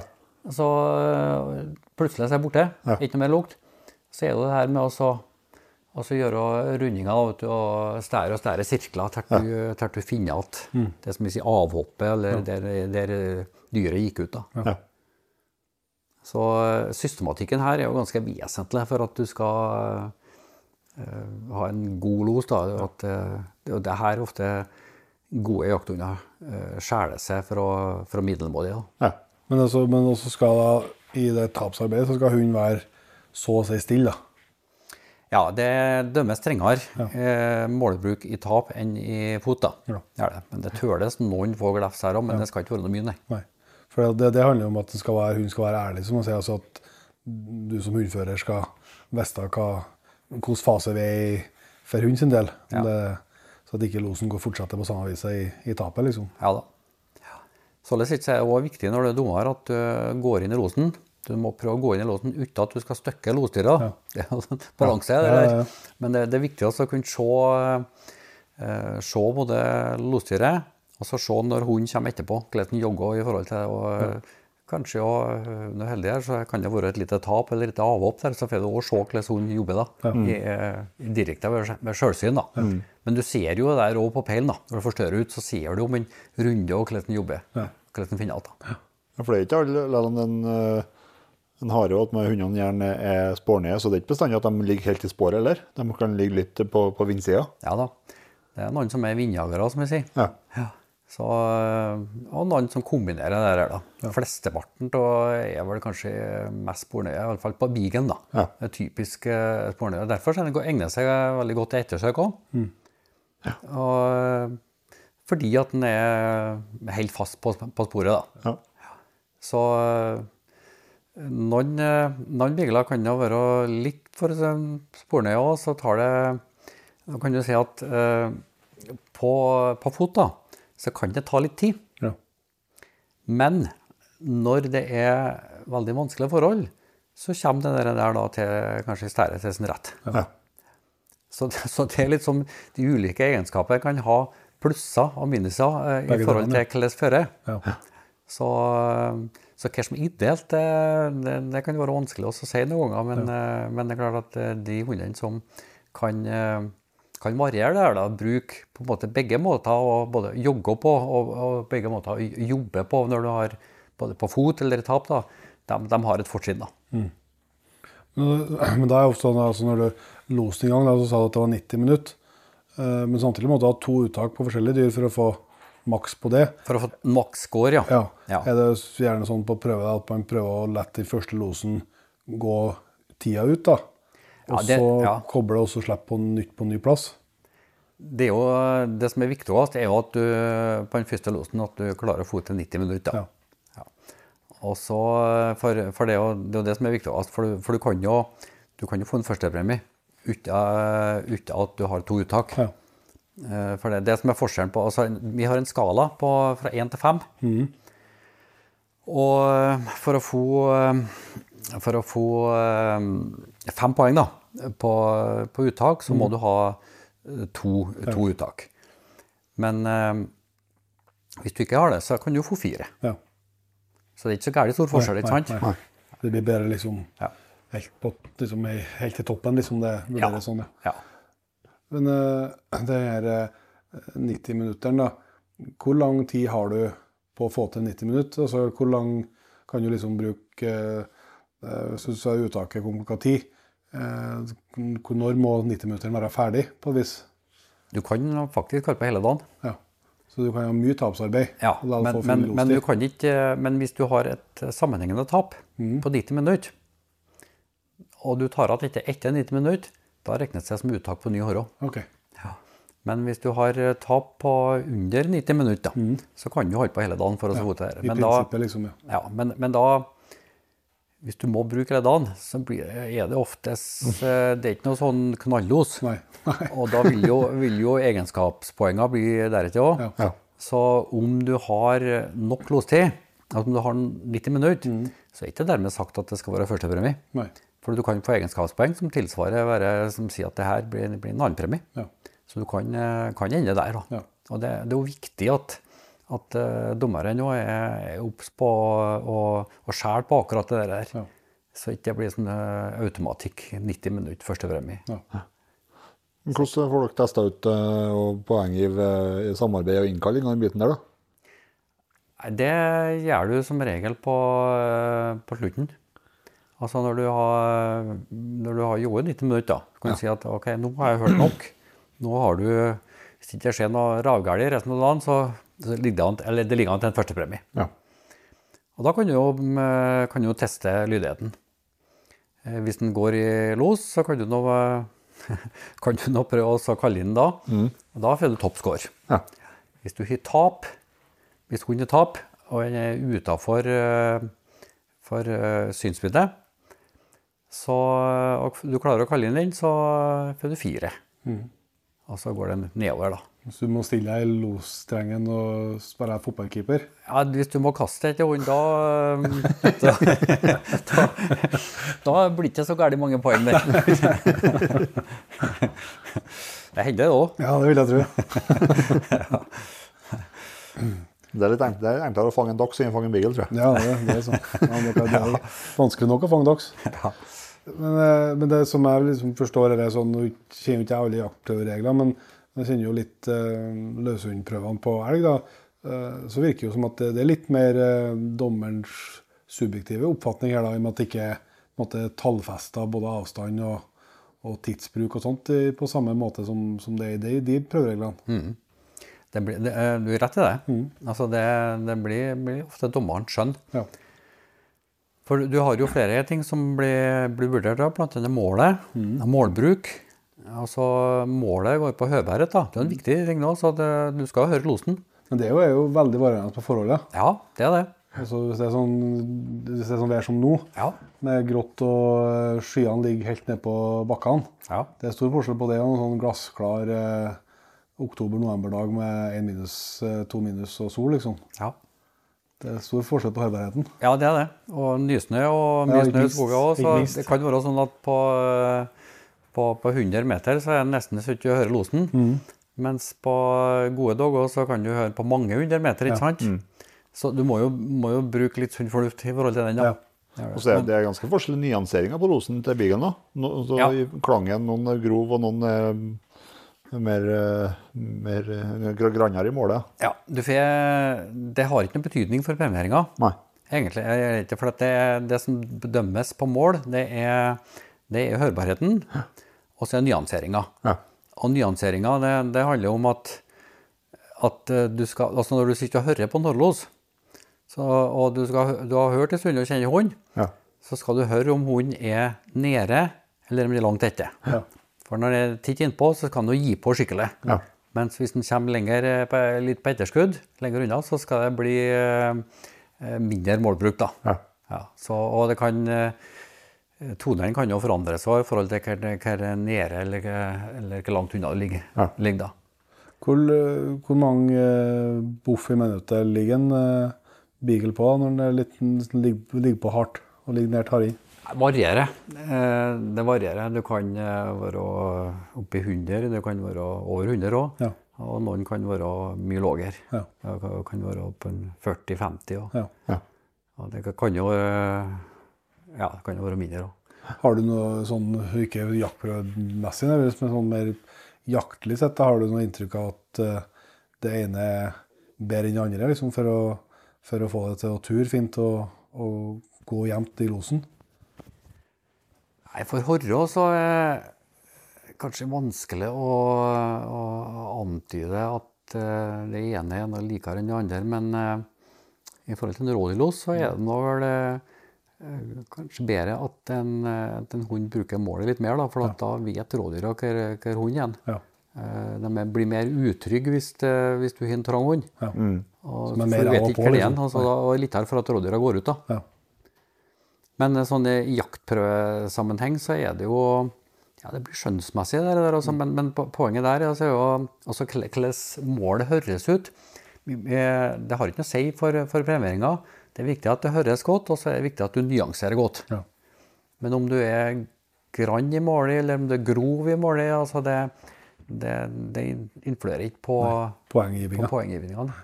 Men så var den her eh, totalscoren som du snakka om, det her i jakt, jaktlyst, eller hva det Ja. det, men Den liksom setter dommeren i ro og mak etter dagen er over. Ja. Og det, har sett, på en måte, det er jo én til fem, da. En sånn totalvurdering på Mm. hva syns jeg om hund den dagen her. skal Ja. jeg si. Og den jaktlysten, den, den eh, egenskapspoenget som du setter der, altså det er jo maks fem, men det ganger du med tre. Oh, ja. Ja, det har ganske stor betydning. Den har betydning. Så det er klart at det der, eh, der eh, kommer det inn da, vet du, altså du, du kan faktisk få topp jaktlyst på en hund som, eh, som har gått en hel dag og ikke fått ut av.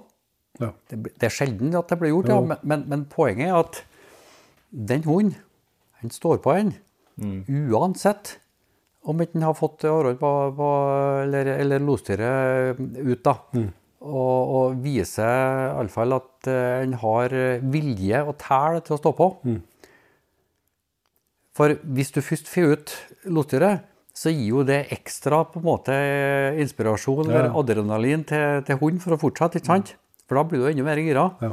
Men altså en hund som ikke får akkurat det, den stimulien underveis, altså det, du skal ha ganske stor jaktlyst for, å for å stå på i søk og jobbe på fot hele dagen. Det, var, det er min sånn hjemmesnekra teori at, at søk er en mye bedre indikator på jaktlyst enn forfølging eller, eller sånn som vi snakka om elghund, med å stå og los i mange mange timer.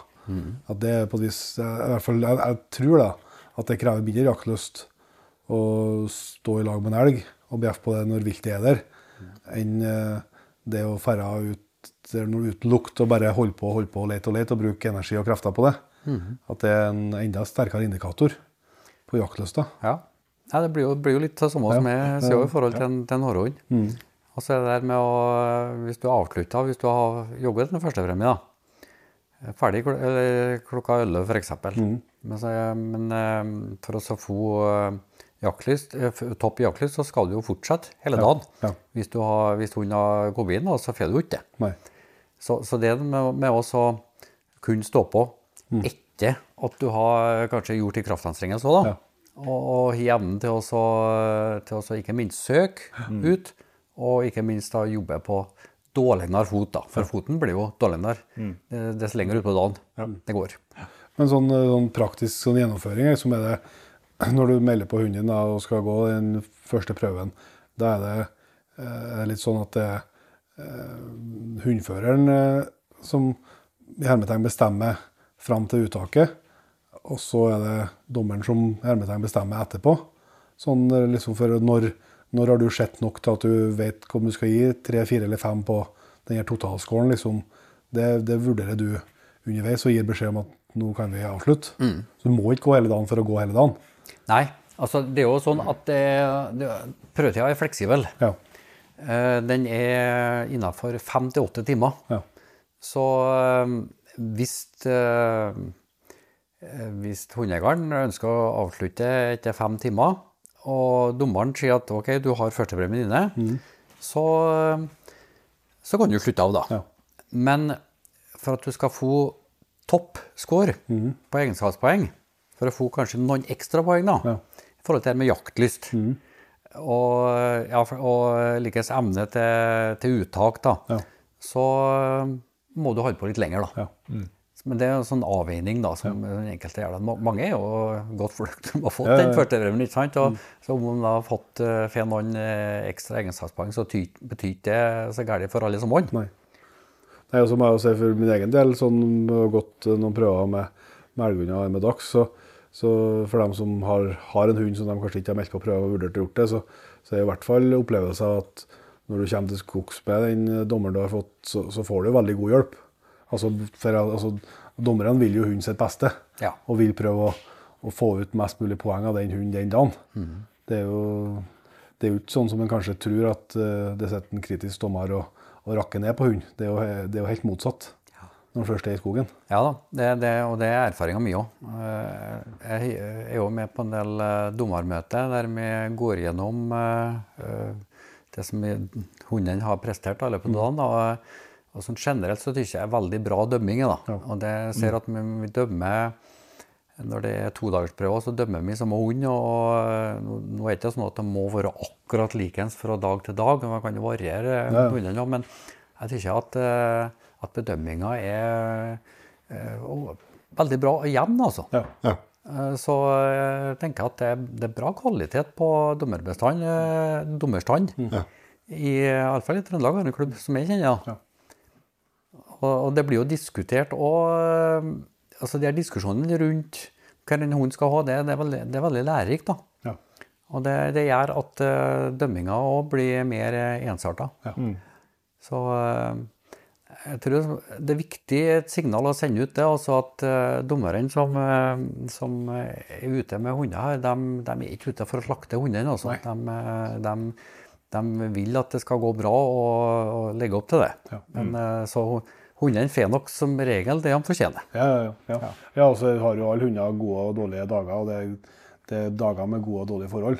Så Ja. det er jo ikke, er eh, noe er ikke skrevet i stein at uh, hunden er fantastisk eller elendig. Samme hvordan det går den første, den første prøven. Nei da. Og det, det har vi erfart, og det, det sier vi til de fleste av at, at eh, altså, selv de beste hundene kan ha sånne dårlige dager. Det er ikke sånn at alle jogger til premie hver dag om vi er ute. Nei. Så eh, om han er uheldig første gangen, så bør han prøve flere ganger. For det, er mange ting som spiller inn her. Det er føre, dagsforma til hund. Og så kan det være en en plass der det er mye veier, og så blir det mye veijaging. Ja. Og så kan det være hvis det er på Horrå, ja, det gjelder jo rådyr og det, altså noen turer er finere, ikke sant? Og det er enklere å få til gode losminutt på.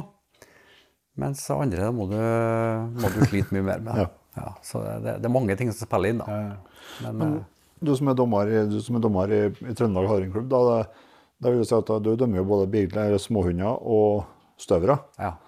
Hva vil jeg si er de største forskjellene på et vis når, på en, på en beagle om størrelse, og én ting, men, men så, som en harehund, ja. hva, hva er største forskjellene på, på beagle kontra en eh, støver?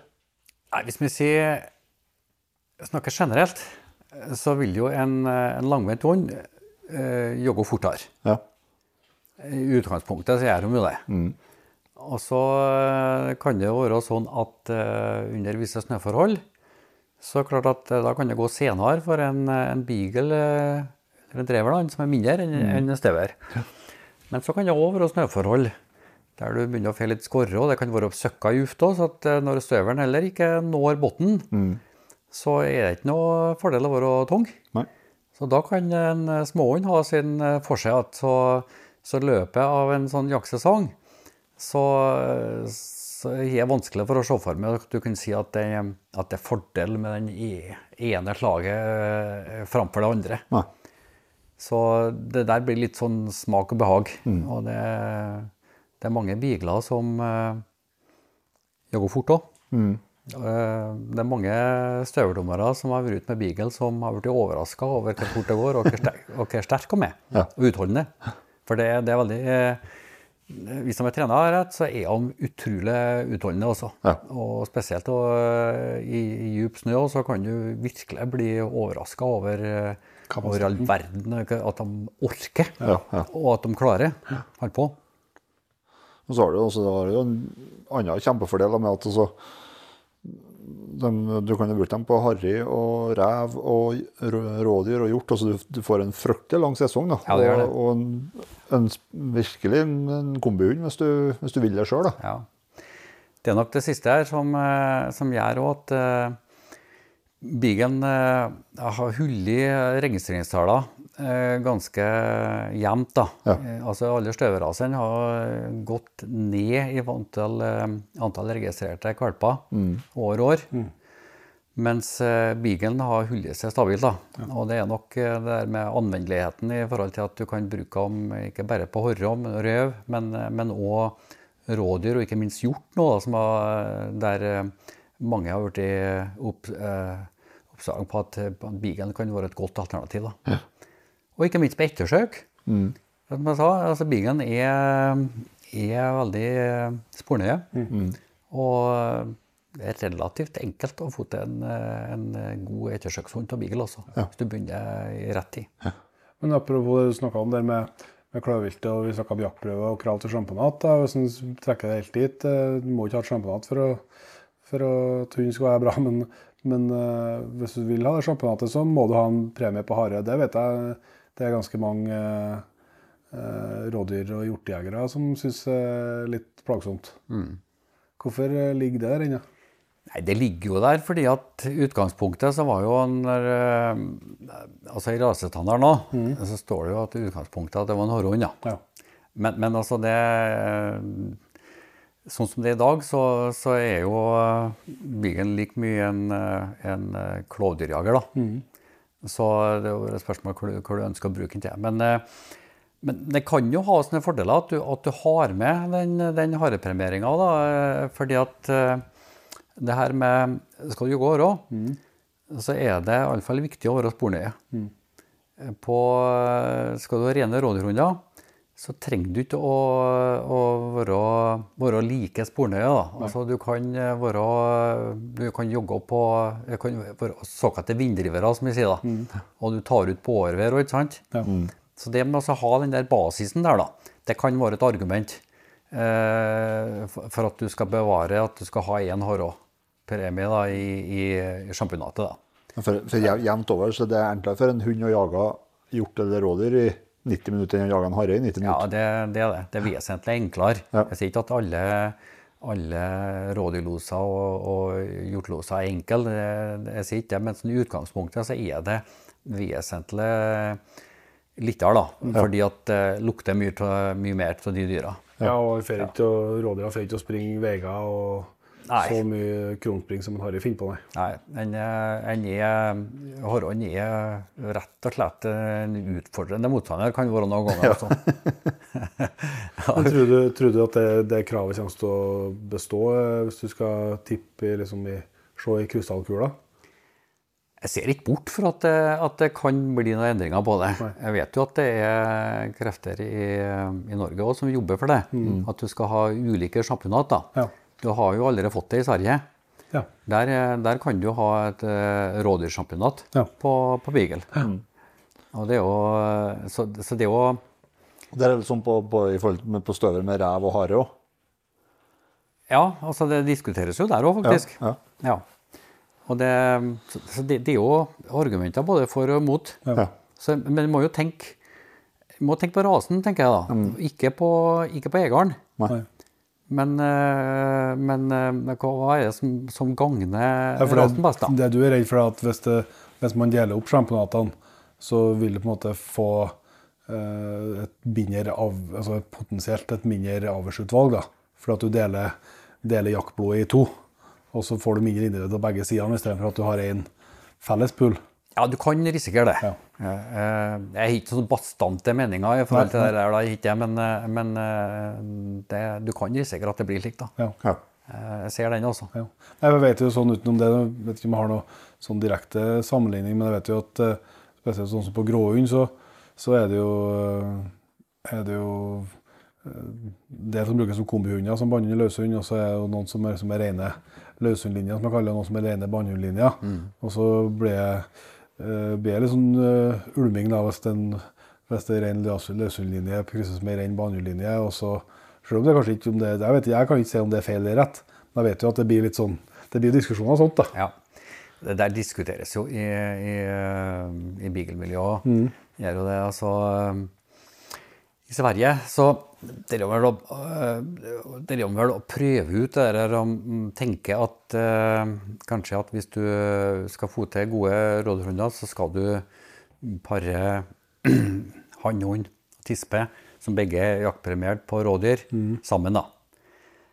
Jeg er ikke sikker på at det der er rett, da. Eh, fordi at eh, jeg, jeg, tror at det handler mer om, eh, om eh, form, ja, samarbeidsevne og, og, formbarhet, da. Ja. Ja. I forhold til hva du, hva du jogger. Altså, jeg har jo bruka mine stort sett kun på åra. Mm. Så kan jeg si at jeg har hatt rene harelinja. Mm. Men jeg har jo sært valper til jegere som ønsker å bruke dem på rådyr. Ja. Og de har fungert veldig godt på rådyr. Ja. Så eh, jeg, jeg, tror at eh, det er jaktlysten og evne til å kanskje finne vilt og jogge viltet som er viktigst. Og så er det der med formbar og er, da, i forhold til at du kan styre og min. Altså hvis, du, hvis, du, starter på uh, å jogge hårå, mm. så vil flesteparten fortsette å gjøre det. Og starter du å jogge rådyrmam, så vil kanskje flesteparten gjøre det. Ja. Så vet jeg at det kan finnes noen unntak. Det er som regel at det ikke er noe regel uten unntak, men, eh, men, i store og hele så tror jeg at det er sånn, da. Ja. Det er preginga og ja. det du gjør, gjør med ungehund og valpen og ungehund, ja. ja. Mm. Det, er jo, det er jo sånn uh, Altså, du kan ta Jeg har sagt til flere til støverfelket. Altså, om du har en finnstøver, da, eller en dunker, så har du bruka den kun på hare sant, i generasjoner. Mm. Kanskje uh, du holder på over 100 år nå. Ja. Avla på sånne. Hvis du, har, hvis du har fått med en dunkerkvalp eller en finskøverkvalp, så vil jeg tro det at hvis jeg har begynt å tatt med meg og, og, og, og begynt å trene han på at nå skal vi jobbe rådyr, så tror jeg at flesteparten har kommet til å ha gjort det. Ja, det tror jeg. Tror jeg. Så, jeg syns jeg har jobbet over å høre om ganske mange finskstøreiere som plages med at de jager rådyr. Ja, de gjør det. ja. Men, men lel så er de avla kun på, på, for at de skal jogge hårå ja. eller, eller rød, ikke sant? Jeg får sikkert noen på nakken nå, men det, ja. det, det, er det som er realiteten. Nei, men det, det, det, nok, det, altså, det trodde nok, det trodde nok uh, Men altså, som du sier, så er det jo ingen regel uten unntak så at det finnes individ som, som uh, låser seg på det ene eller det andre. Uh, mer eller mindre. Det finner du nok sikkert uh, Det finnes nok helt sikkert eksempel på. Mm. Men uh, det er jo uh, Det er jo hva du, ja, hva du bruker dem til. da. Å forme dem, og hva, du liksom, hva, du, hva gir du positiv forsterkning på, og hva, hva kobler du på, for å si det sånn. Mm. Mm. Og spesielt i pregingsfasen, da, når du mm. begynner med dem som valper og unghunder. Ja.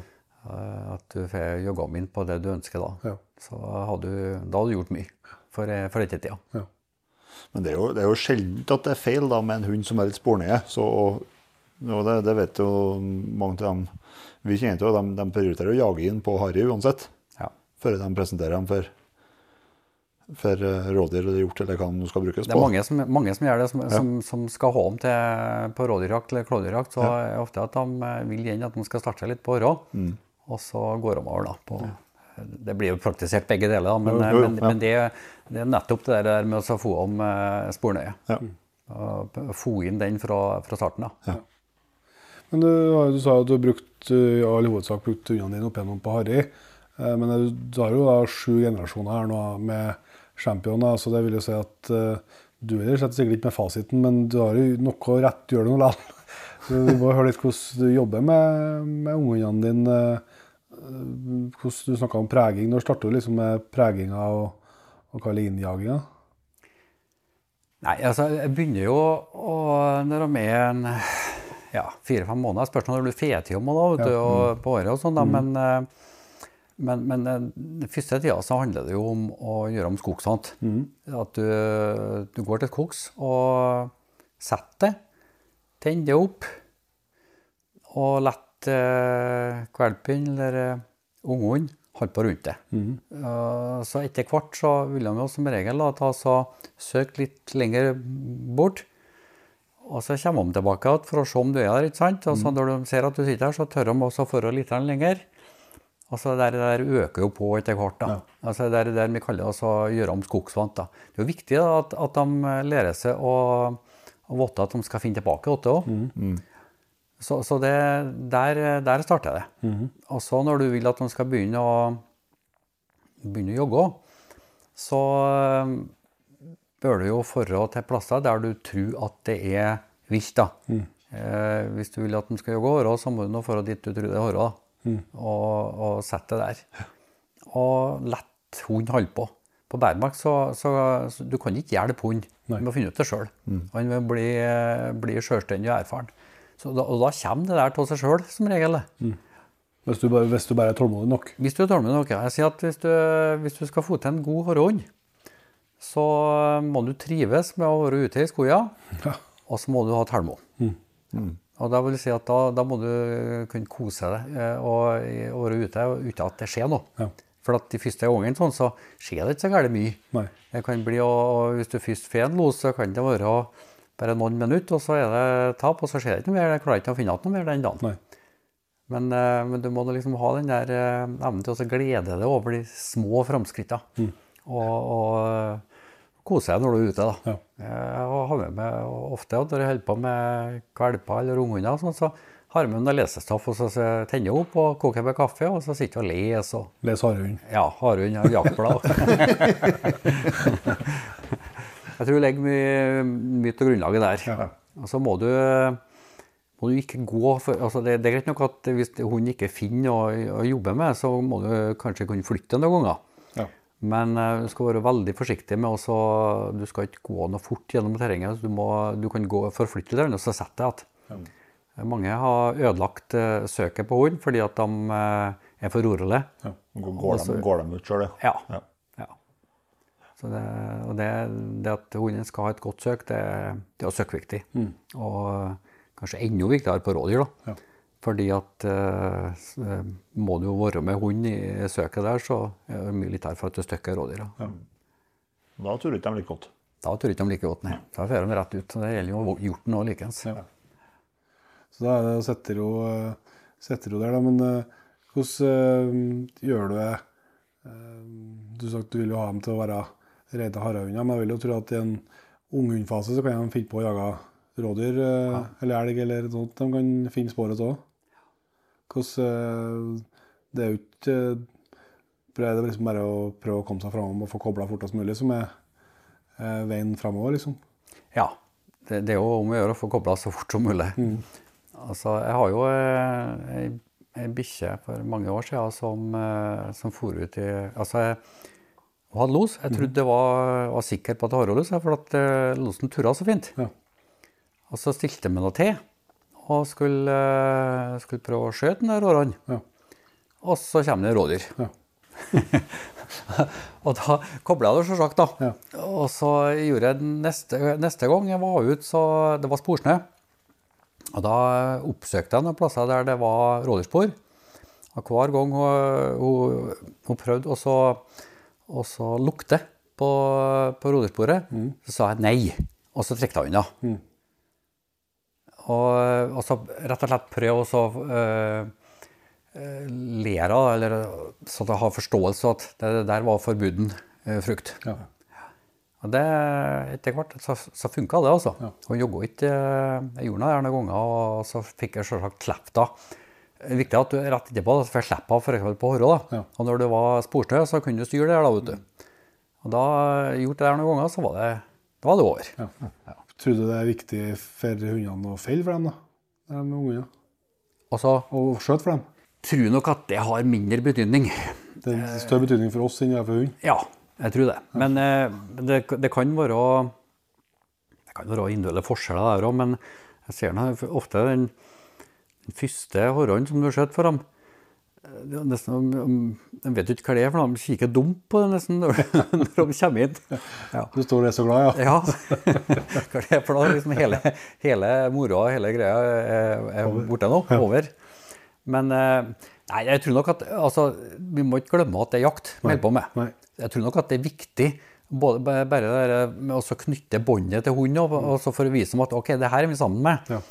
Og så etter hvert også, da, så kan det hende at de blir litt glad i den der innmaten der. Og jeg ser jo når du har fått gjort opp hårene og, det- og de blir litt mer vant til det, så Iallfall hundene mine de hopper nå rundt og skal borti og bite i hårene et, etter hvert. da, så, så jeg tror nok på sikt at det har betydning. Men jeg, jeg tror ikke at det har så gærent stor betydning for selve jaktlysten, egentlig. Nei. Men kanskje mest for, eh, for samarbeidet. da. Og så er det nok som, som jeg har, det er nok individuelle forskjeller der òg. Ja, ja. Ja, så får de, får de komme bort til å være lamme og får komme bort til bålet og få varmen til seg og, og få litt innmat. De, det er jo belønning, belønning Ja, dem, det det er noe, etter hvert så vil jo det være noe positivt. da. Ja. Første gangen så er det ikke bestandig at de vil ha, presentere hjertet eller lungen. at de- Så, så er det ikke bestandig at de vil ha det heller. Men så, som regel så blir det etter hvert. da. Men så er det jo noen andre vesentlige forskjeller her. Altså, det er jo som er på barmark og snø. Merker, merk, er, bruker de liksom synet når de ser et haraldspor i snøen, eller merker du lite forskjell på, på dem om de jager på barmark eller på snø? Nei, på, på, jeg ser forskjellen, ja. Ja. For eh, på, på snø så kombinerer de eh, lukt og, og syn. Ja. Jeg ser annet eh, hvis vi går etter en vei, og, og det, eh, altså, Jeg må ofte oppå veikanten og, og så kikke. Ja. For, å, for, å se, for å se om det er noen spor. Ja. Og, og det der gjør om noe i forhold til når du har, eh, om du har et tap òg. Og så kan de må se sporet, Ja. ikke sant? Avhoppet. Men de må jo selvsagt bortpå og sette noe inn der for å se at eh, det her, eh, her er han fyrer. i. Det her er ikke gammelt. Så, så jeg ser at de, at de, at de kombinerer det her, ja. Det tenker jeg at det, det er ideelt da, men, for, men en, eh, hvis en hund skal jogge kun på synet, da blir det, da blir det ikke noe lang los, nei. Nei. Da, blir det ganske, da varer en, eh, varer en ganske kort tid. Ja, for det har jo noe å si for, for innjaging også, Hvis du jager, hvis du bruker Hvis, hvis uh, tida er sånn at du, du har innjaging, altså at valpen begynner å bli moden, og at det at du kan begynne å slippe den, og at den begynner å jage, og så har du liksom tre-fire måneder med, med snøføre fram deg, så blir jo den hunden jaga inn kun på, på snø på et vis. Ja da. Det, det var jo ofte mye sånn fær. Altså, eh, kom jo, eh, snøen kom jo tidligere i, i Selbjørg og sånn jevnt over da, færet. Og eh, så hadde du elgjakta som du var med på først, og så ble det så, eh, så gikk bort noe i, i fin tid der, egentlig. Og så, så mesteparten av sesongen var jo snø. Flest måneder. Lite tid på hver mark da, for å trene på det. Men eh, det der var- varierer, varierer jo litt fra år til år. da. Vi- Ja, altså Samtidig så har du jo forhold, du har jo forhold på vinteren, som, altså, men snakker, snakker vitring, da, så er jo, der er det jo Du kan jo ha vanskelige dager på snø òg, der det er veldig Ja. dårlig vitring. Ja. Det, det, så det er jo dårlig vitring både på snø og på barmark. Ja. Det, det, det, er vanskelig å si, tror jeg, hva som er likest. Altså, eh, på bærmark så kan det òg være søkka god vitring. Ja. Hvis det er sånn passelig fuktig og, og, og temperatur mellom bakke og luft er perfekt. Det er vel sånn at eh, det ideelle er vel at varmen er eh, Nei, at bakken er litt varmere enn enn lufta. Ja. Da skal det være gode vitringsforhold. Mm. for Og sammenligna med, med snø, da, så er det klart at noen ganger så er det jo søkka bra på, på snø, òg, men så, så har du nå de gangene det er skorre da, og is, og så kan det ha vært oppholds i ja, mange uker. Og det er hardtrampa til Ja. og det kan være kaldt. Det er klart, da, da, er det, da er det krevende. Da kan snøen være tær, og, og, og vitringa er elendig, rett og slett. Og så når når det snør om natta, og så slår over til mildvær Ja.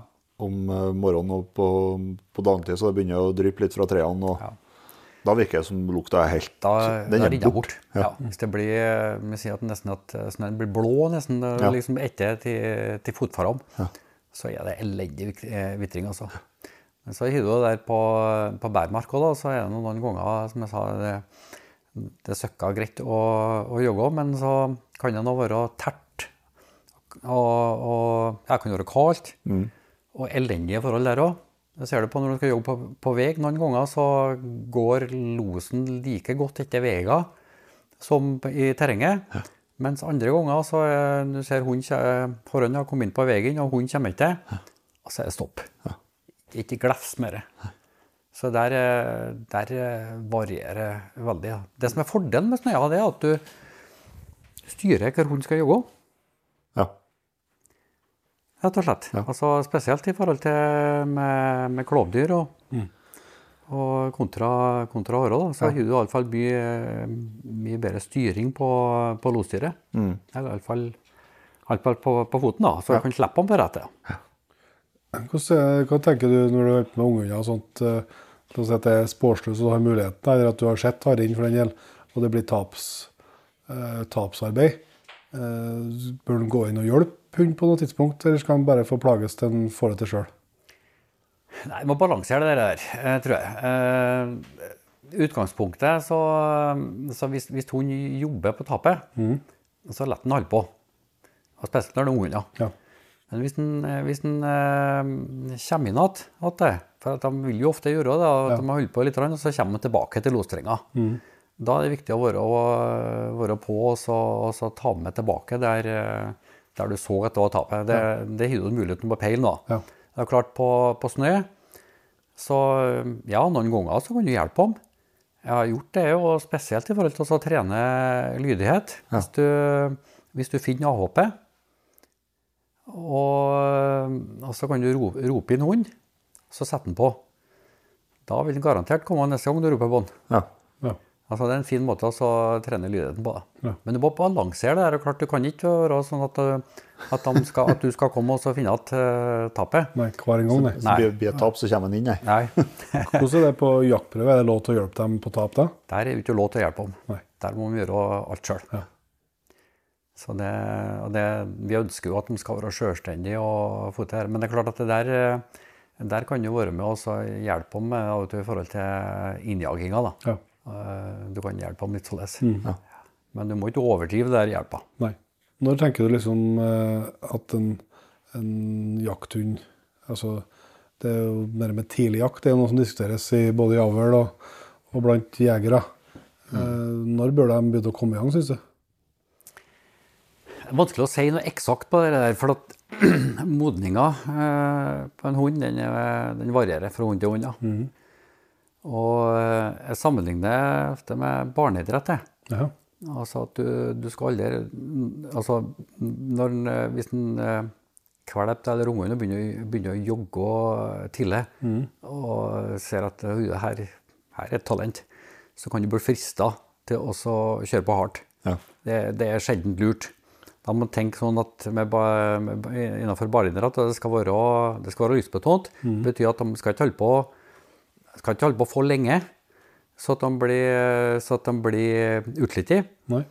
Og så eh, må du jo vertse om litt forsiktig, tenker jeg. For eh, hvis du, hvis du kjører på veldig hardt, så kan du òg få eh, Hvis de har en tendens til å bruke målet veldig mye fra starten, så kan det òg kan du bli ganske løs. Ja.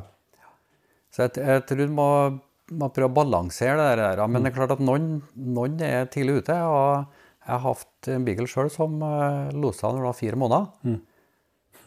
Eh, mens andre har, har tatt eh, dobbelt så lang tid og lenger enn det òg, før en hadde første losen. Ja. Men du har hatt bare- tispa, eller? Ja, jeg har hatt bare tispa. For um, ja, det Ser du noen forskjeller på om det kommer på forskjell på han og tispene om når de blir modne og når de eh, blir jaktbare?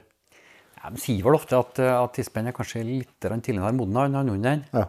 Eh, Det er vel litt sånn å spørre på det. Ja, du har du har vært- sett så mye ungdom, så du vet nå det. ja. Men store forskjeller er nok det. Jeg tror det er mer individuelle forskjeller. Ja. Ja, det, det tror jeg er mer utslagsgivende, egentlig. Ja. At individer varierer. For det kan være stor forskjell på, på, på tidsspenna. Ja. Ja, men jeg tror det er som du ser altså med Kall det unghundfasen, og når den starter og når den er over. Da. Det er noe vanskelig å si, kanskje, men, men det er at uh, unghunder hele tida får Samme om det er fuglehunder, eller om det er harrehunder eller om det er elghunder, at de hele tida får uh, jag på overskudd, er veldig viktig. For at uh, det er jo mye som skal modnes i topplokket samtidig. Altså som de uh, samtidig som at de skal altså de, de må få hvile seg godt imellom, liksom. For at uh, en vaksehund som er seks-sju år og som har jaga masse, han eh, tåler jo mer. Og liksom lettere for å ta igjen seg òg. men det er noe i topplokket på de ungene som skal, som skal henge med på, Ja. på den utviklinga, som jeg tror det er fort gjort at du eh, ja, at du, det, det her er noe synsing selv på høyt nivå, men det er, jeg tenker i hvert fall at det, det er kanskje lettere for en unghund å, å lære når den har overskudd. Ja. Eh, Hvis du, hvis du, så du, snakker om tapsarbeid, f.eks. Hvis du allerede kanskje, hvis du er, du er ett år og så har du jaga tre dager på rad, så er det vanskeligere å utrede det tapet på dag nummer tre. Fordi at du har ikke det samme overskuddet i, i kroppen og i, i toppen. Jeg tror du har rett i. Og så er det der med altså du skal Evnen til å lære òg. Altså, hvis, hvis vi sammenligner med, med, med unger da, på utviklinga, så evnen til å lære og til å ta til seg, den, den, eh, den er individuell. Men den blir jo større og større dess gamlere du blir. Ja. Så derfor, hvis du da kjører på, på eh, Du er ute eh, dag etter dag og har gode loser og sånn når du er liksom første året du holder på trenger, altså, Læringa av dette trenger ikke å være med neste år. Det, det har jeg hørt om eh, tilfeller av.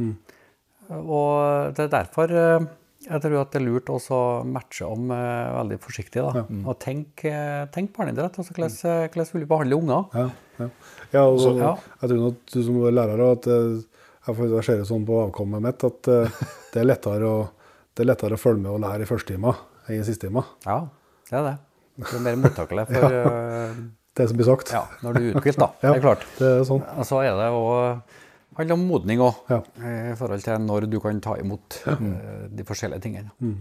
Og så er det jo så at den ung- ungen da, som, som loser, og som har en evne til å følge sporet og, og lose når han er fire måneder, han kommer til å gjøre det når han er sju-åtte måneder òg. Gjør det, vet du. Ja. Men eh, sjansen for at hvis du driver det der for hardt, så kan de lære seg en del unoter òg. Ja. For de er ikke, de er ikke modne nok til, å til å utvikle eh, på en måte den her eh, det kognitive da, eh, på samme måte som det fysiske. Men er det noe problem noen ganger at hunder ikke at de jager, men ikke loser? Ja, det forekommer. Det gjør det. Det er det verste som, eh, verste som kan skje. da. Ja. For en, en hund som ikke sier noe, er jo nærmest ubrukbar. Ja. Det er jo, jeg sier at det er mye bedre at en eh, jobber for mye enn for, enn for lite. Ja.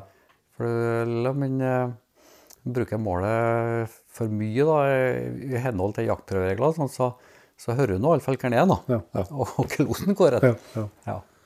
Ja, altså, er det noe, Fins noen løsning på det? Det Er bare å drive på og holde på og satse på at det kommer, eller? Jeg, jeg har ikke så gærent mye erfaring med det, men uh, det, det finnes ikke noe sånn quick fix. når Jeg vet at eh, jeg vet at de hender at de prøver, da, og så slipper de i lag med en, en hund som, eh, som de kjenner godt. da. Ja, erfaren Altså hund, liksom. For, for å på en måte være med. Og, men om det har, eh, har så stor effekt, det, vet jeg ikke. Nei. Nei. Jeg tror vel det der ligger eh, kanskje mer sånn innbygd i hver enkelte. Så eh, dessverre så finnes det noen som, eh, noen som eh, er således, da, men de er sjeldne. Ja, ja for det, det tror jeg så Det blir jo litt Det er jo nesten komisk, men eh, det er jo sånn hvis du tar en, tar en uh, fuglehund, eh, så vil jo de fleste bli presentert for en rypeving Når de er to-tre-fire måneder, så tar de jo stand på den. Og de vet jo ikke helt hvorfor, Nei. men de gjør jo det. Ja. Og det er noe lille erfaringa jeg har med, med dags, og at de to dagsene jeg har hatt, så første gangen de putta nesen i et rådyr på, så ble det jo lyd. Jeg tror ikke de helt vet hvorfor de, hvorfor de skjeller. Men det, det, ble jo, det, er jo, det er det som er, reaksjon, det er det som er instinktet og reaksjonen, liksom. Ja. Det er jo det som- som er nedarva og har blitt instinkt da, Ja. gjennom, eh, gjennom generasjoner. Men hva er en, eh, hva er en veldig god harehund i Nils sine øyne? Ja, Det blir tilbake til det som jeg snakka om eh, tidligere. her. Altså En god jakthund er en som, som gir et bra søk. Men som når òg da kommer på fot i evne til å finne mye viltet, altså viltfinnerevne. da. Ja. Og så er det der med å holde losen i gang. da. Det er også, eh, også eh, ikke bare så at det blir et kvarter, men at du kan, eh, kan utrede tapene og holde losen i gang over tid. da. Det er jo det vi, Når du er på jakt, så er det det som er, må til hvis du skal klare å felle viltet. Så at den klarer å holde losen i gang. Hva, Så, så er det en del andre ting, sånn skjønnsmessige ting. ja, da, hva du, si. ja, hva du liker du? Liksom, liker du at de skal være at den skal være, de skal være løs, eller vil du at de skal være litt uh, trong, eller hva liksom, hvis, du, hvis du kunne ha gått på nett og bestilt deg en ferdig, eh, bare trykka jeg vil ha sånn og sånn og sånn.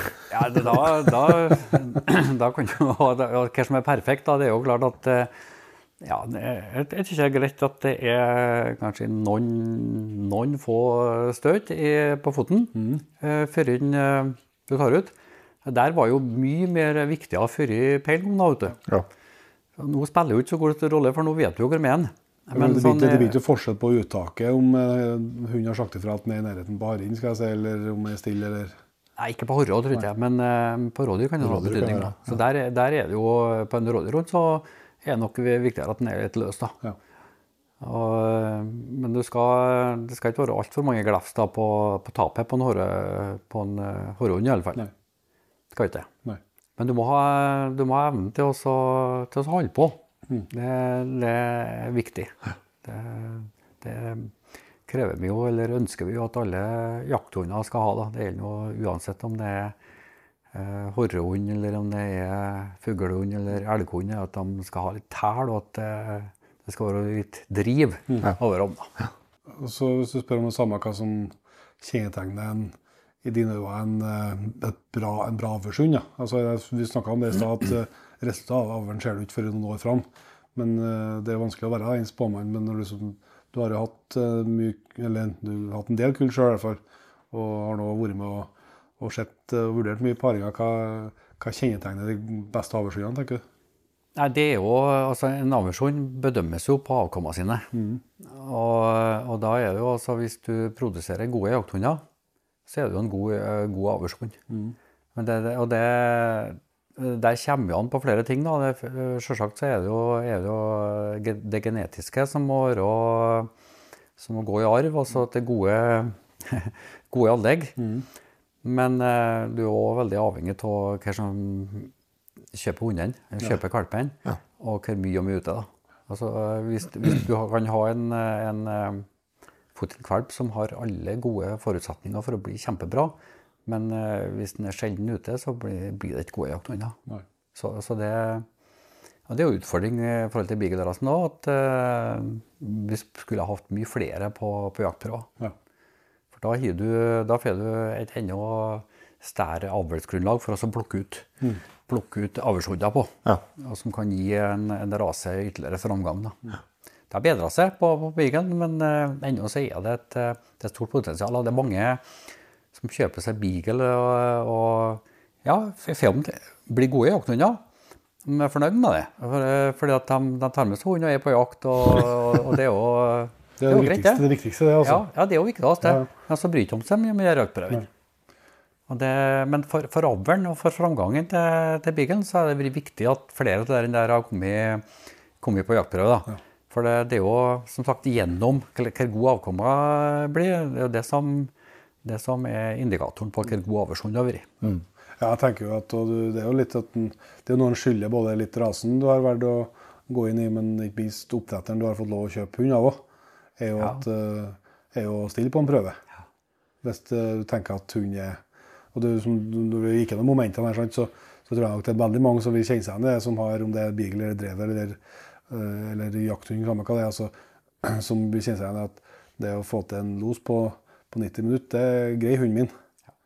Uh, uten at du nødvendigvis kan ha ambisjon om noe sjamponat eller å vinne NM av den grunn. Så, men bare for å være med og, litt på dugnaden, da, som det strengt tatt er òg. Så, så er det jo viktig å melde på den prøven og, og prøve det. Eh, du, du, du bidrar nå til at eh, det kan bli framgang for rasen, iallfall, hvis du stiller på, på jaktprøve. da. Og det I tillegg kan jo hende du syns det er artig òg. Ja, i Ja. fall. til og med det. Ja, rart nok, vet du. Ja. Nei, jeg tenker som så at altså det, det å få til en 90 minutts los, det, er- det er ikke all verden, det, altså. Nei.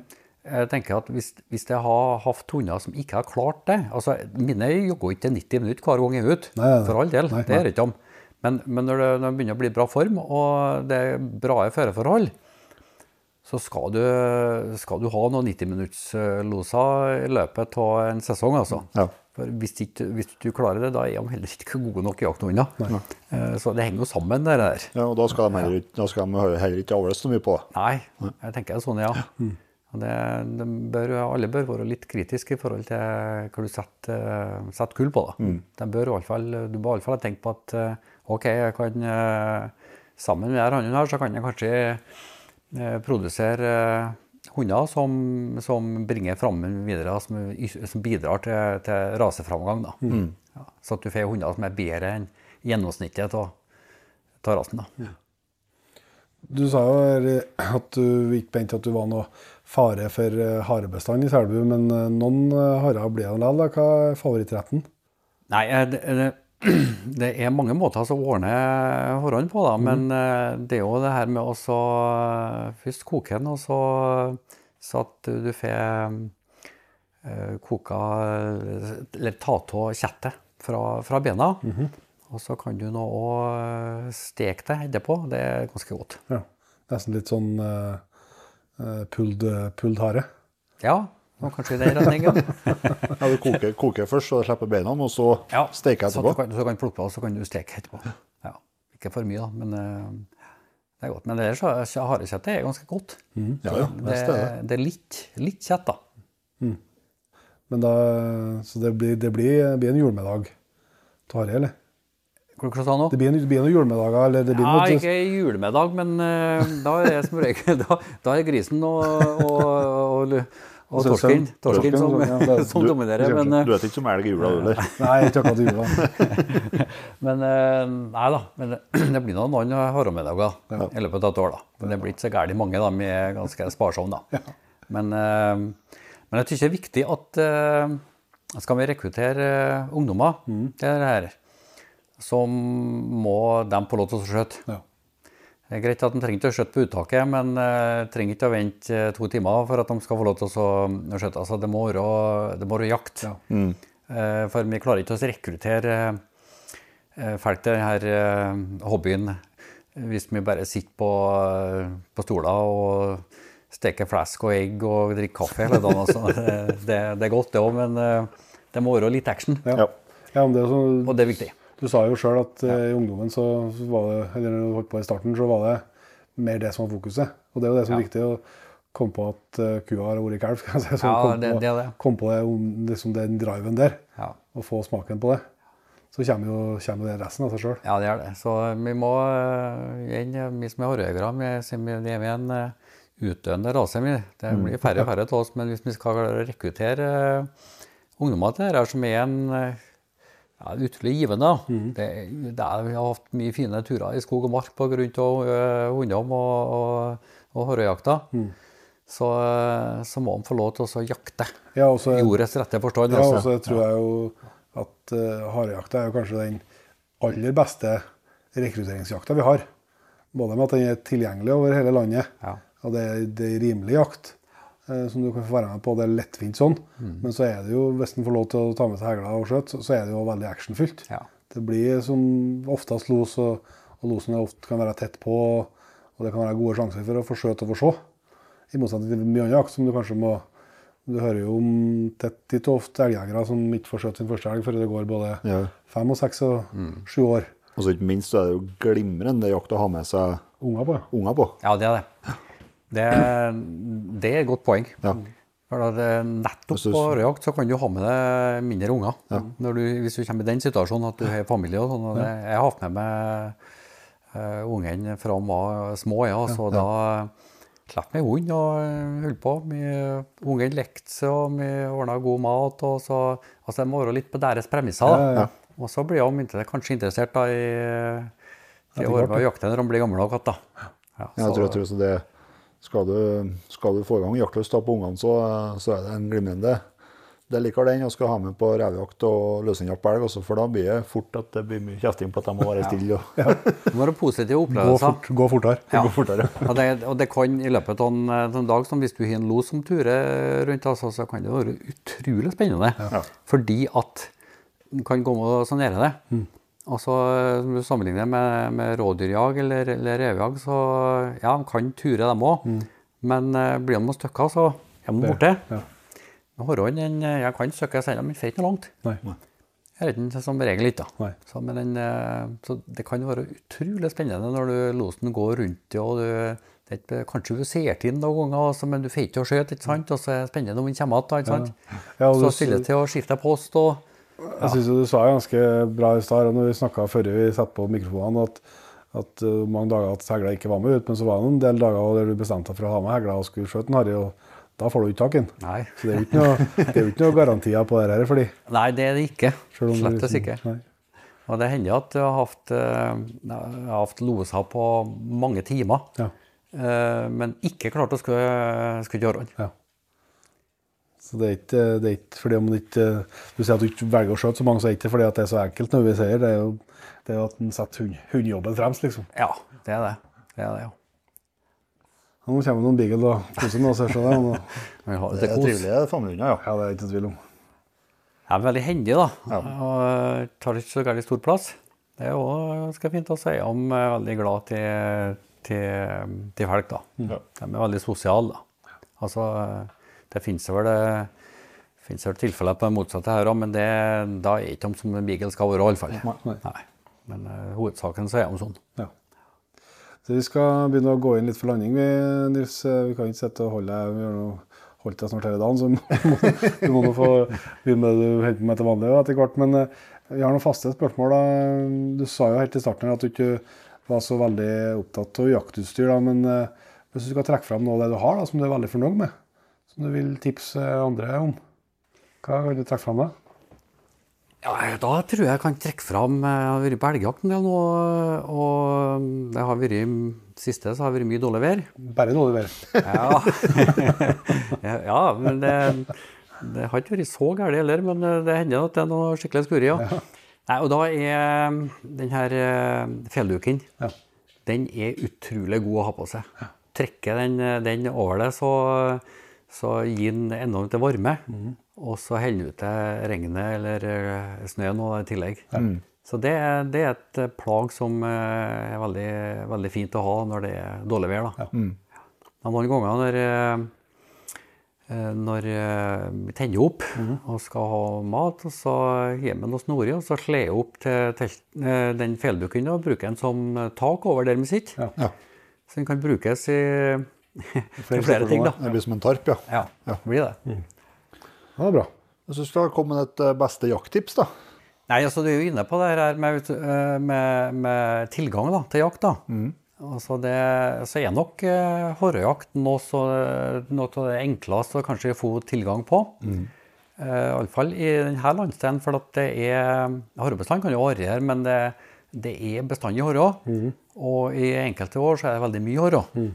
Og eh, du kan få jakt til en ganske rimelig penge. I motsetning til en del andre jaktformer. Da, der du, så, så jeg tenker nå at eh, det å starte med, med hårjakt, det kan være eh, fint da for spesielle ungdommer mm. ungdommer som vi har dårlig råd av. Og så er det at du lærer så mye gjennom hårjakta, for at du, du lærer sporing. Ja. Altså, Av alle de her dyra som vi jakter på, så er nok horren en, kanskje en, en av de vanskeligste motstanderne eh, hund kan få. Ja. Fordi at den gjør så mye krumspring. Og hvis du, hvis du lærer det her eh, hvordan du skal spore en horre eh, Noen ganger på vinterstid så kan du for oss å gå litt, og se litt sjøl òg, og være med hund. Så, så lærer du de finurlighetene i forhold til hvordan jakta er. For at når, når eh, hopper av, så må du ringe. Når elghund, hvis du går med en bannhund, da, eh, for det hender at den mister sporet ennå, så må du som eier ringe for å finne igjen sporet. for å ta utsporet. Så gjelder alle slags viltarter der du, der, du, der du går på spor.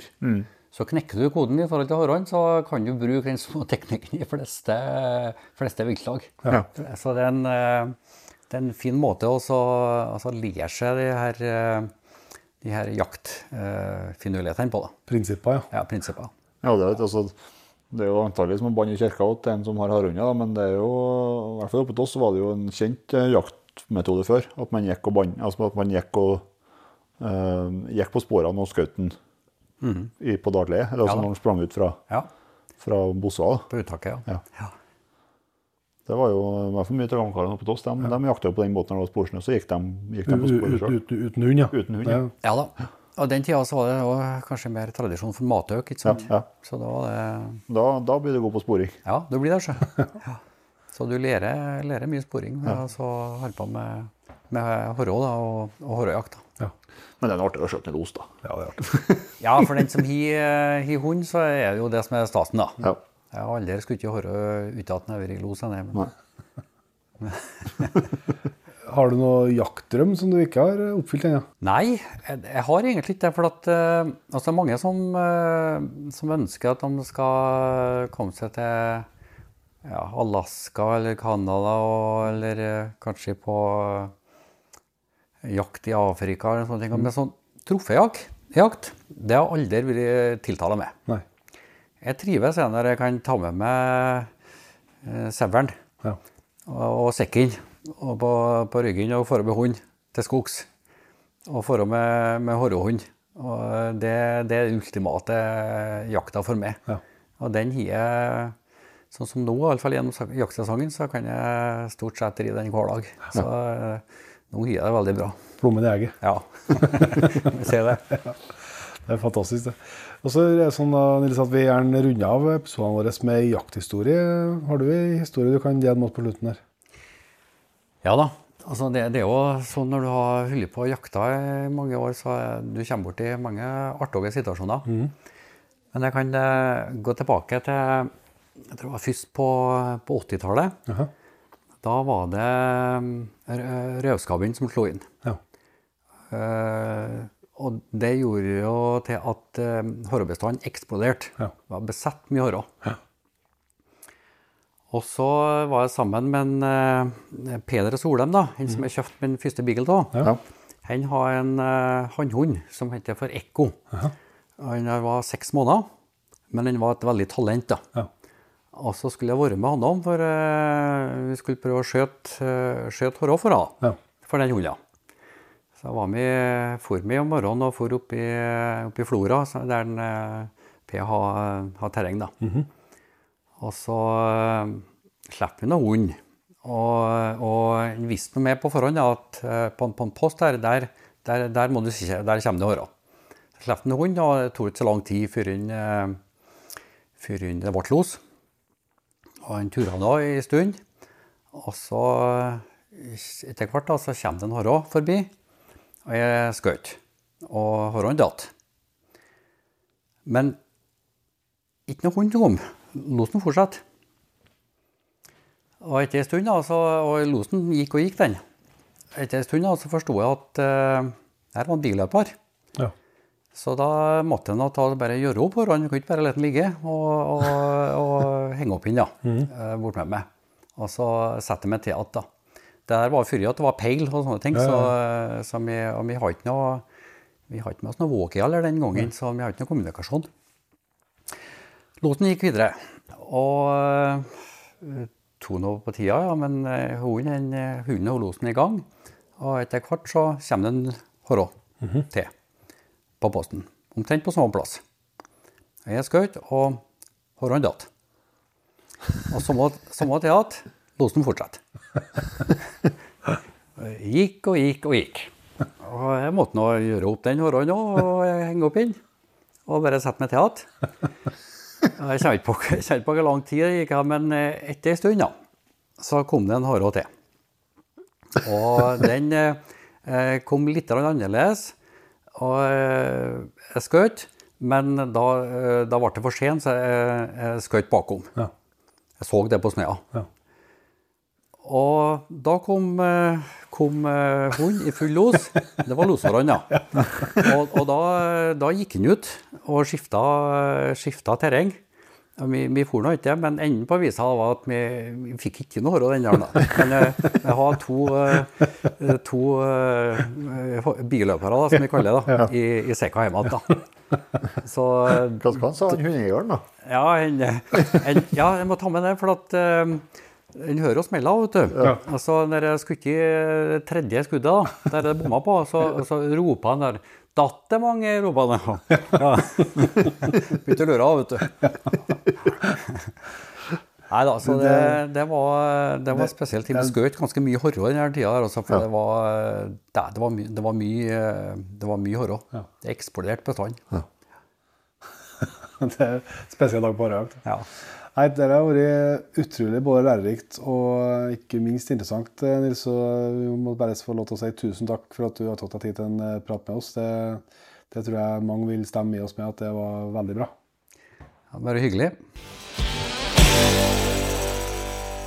Det var altså Nils Kjøsnes fra Selbu. eh, Beaglemann på sin hals, det tror jeg man kan si.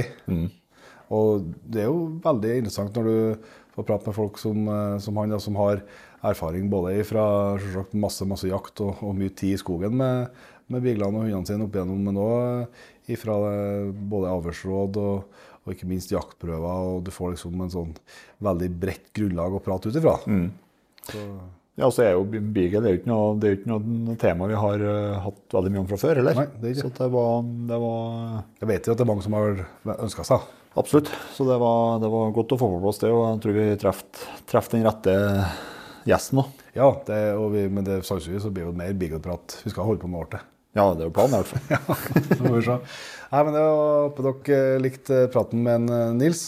Vi skal begynne å gå inn for landing for alvor, eh, men før den tid så skal vi ønske de nyankomne medlemmene i P3-laget hjertelig velkommen. Eh, Vi var veldig nært eh, at eh, det skulle bli trekking av kanatur. Ja. Jeg tror det mangla 24 stykker nå, til, på det nærmeste her nå, før vi gikk over i ny måned. Da detter jo som kjent noen ut. da, Typisk at kortene har gått ut og sånne ting. da. Men eh, vi får se om eh, vi greier å opprettholde, eh, få tilbake dem i meste og få til litt vekst til i november, så kan det bli en alvorlig julegave på en P3 hvis du skal trekke bjørnejakt i all inclusive bjørnejakt i Canada før jul. Det har vært utrolig, utrolig artig. Så får vi se om vi når målet. Men i hvert fall noen som har vært med og bidratt til det den siste vekka, det er nå da Kristoffer Svennevik, Ole Ellingen, Mats Skovlund, Jon Olaf Aasen, Knut Inge Vesterhus, Martin Berg Tuveng, Håken Westgård Hagen, Rune Harsvik Vegard.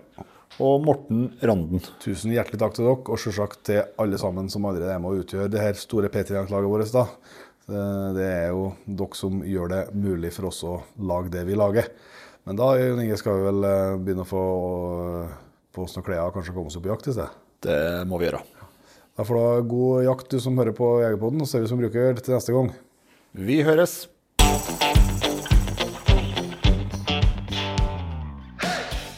Tusen hjertelig takk for at du valgte å bruke litt av tida di på Jegerpodden. Sjekk ut jegerpodden.no eller eh, din favoritt-podkastspiller for enda mer innhold og flere episoder. Følg også Jegerpodden på Facebook og Instagram, og ikke minst, husk å fortelle alle gode venner, familie og tilfeldige forbipasserende om Jegerpodden, sånn at vi får spredd det glade budskap videre. Vi høres.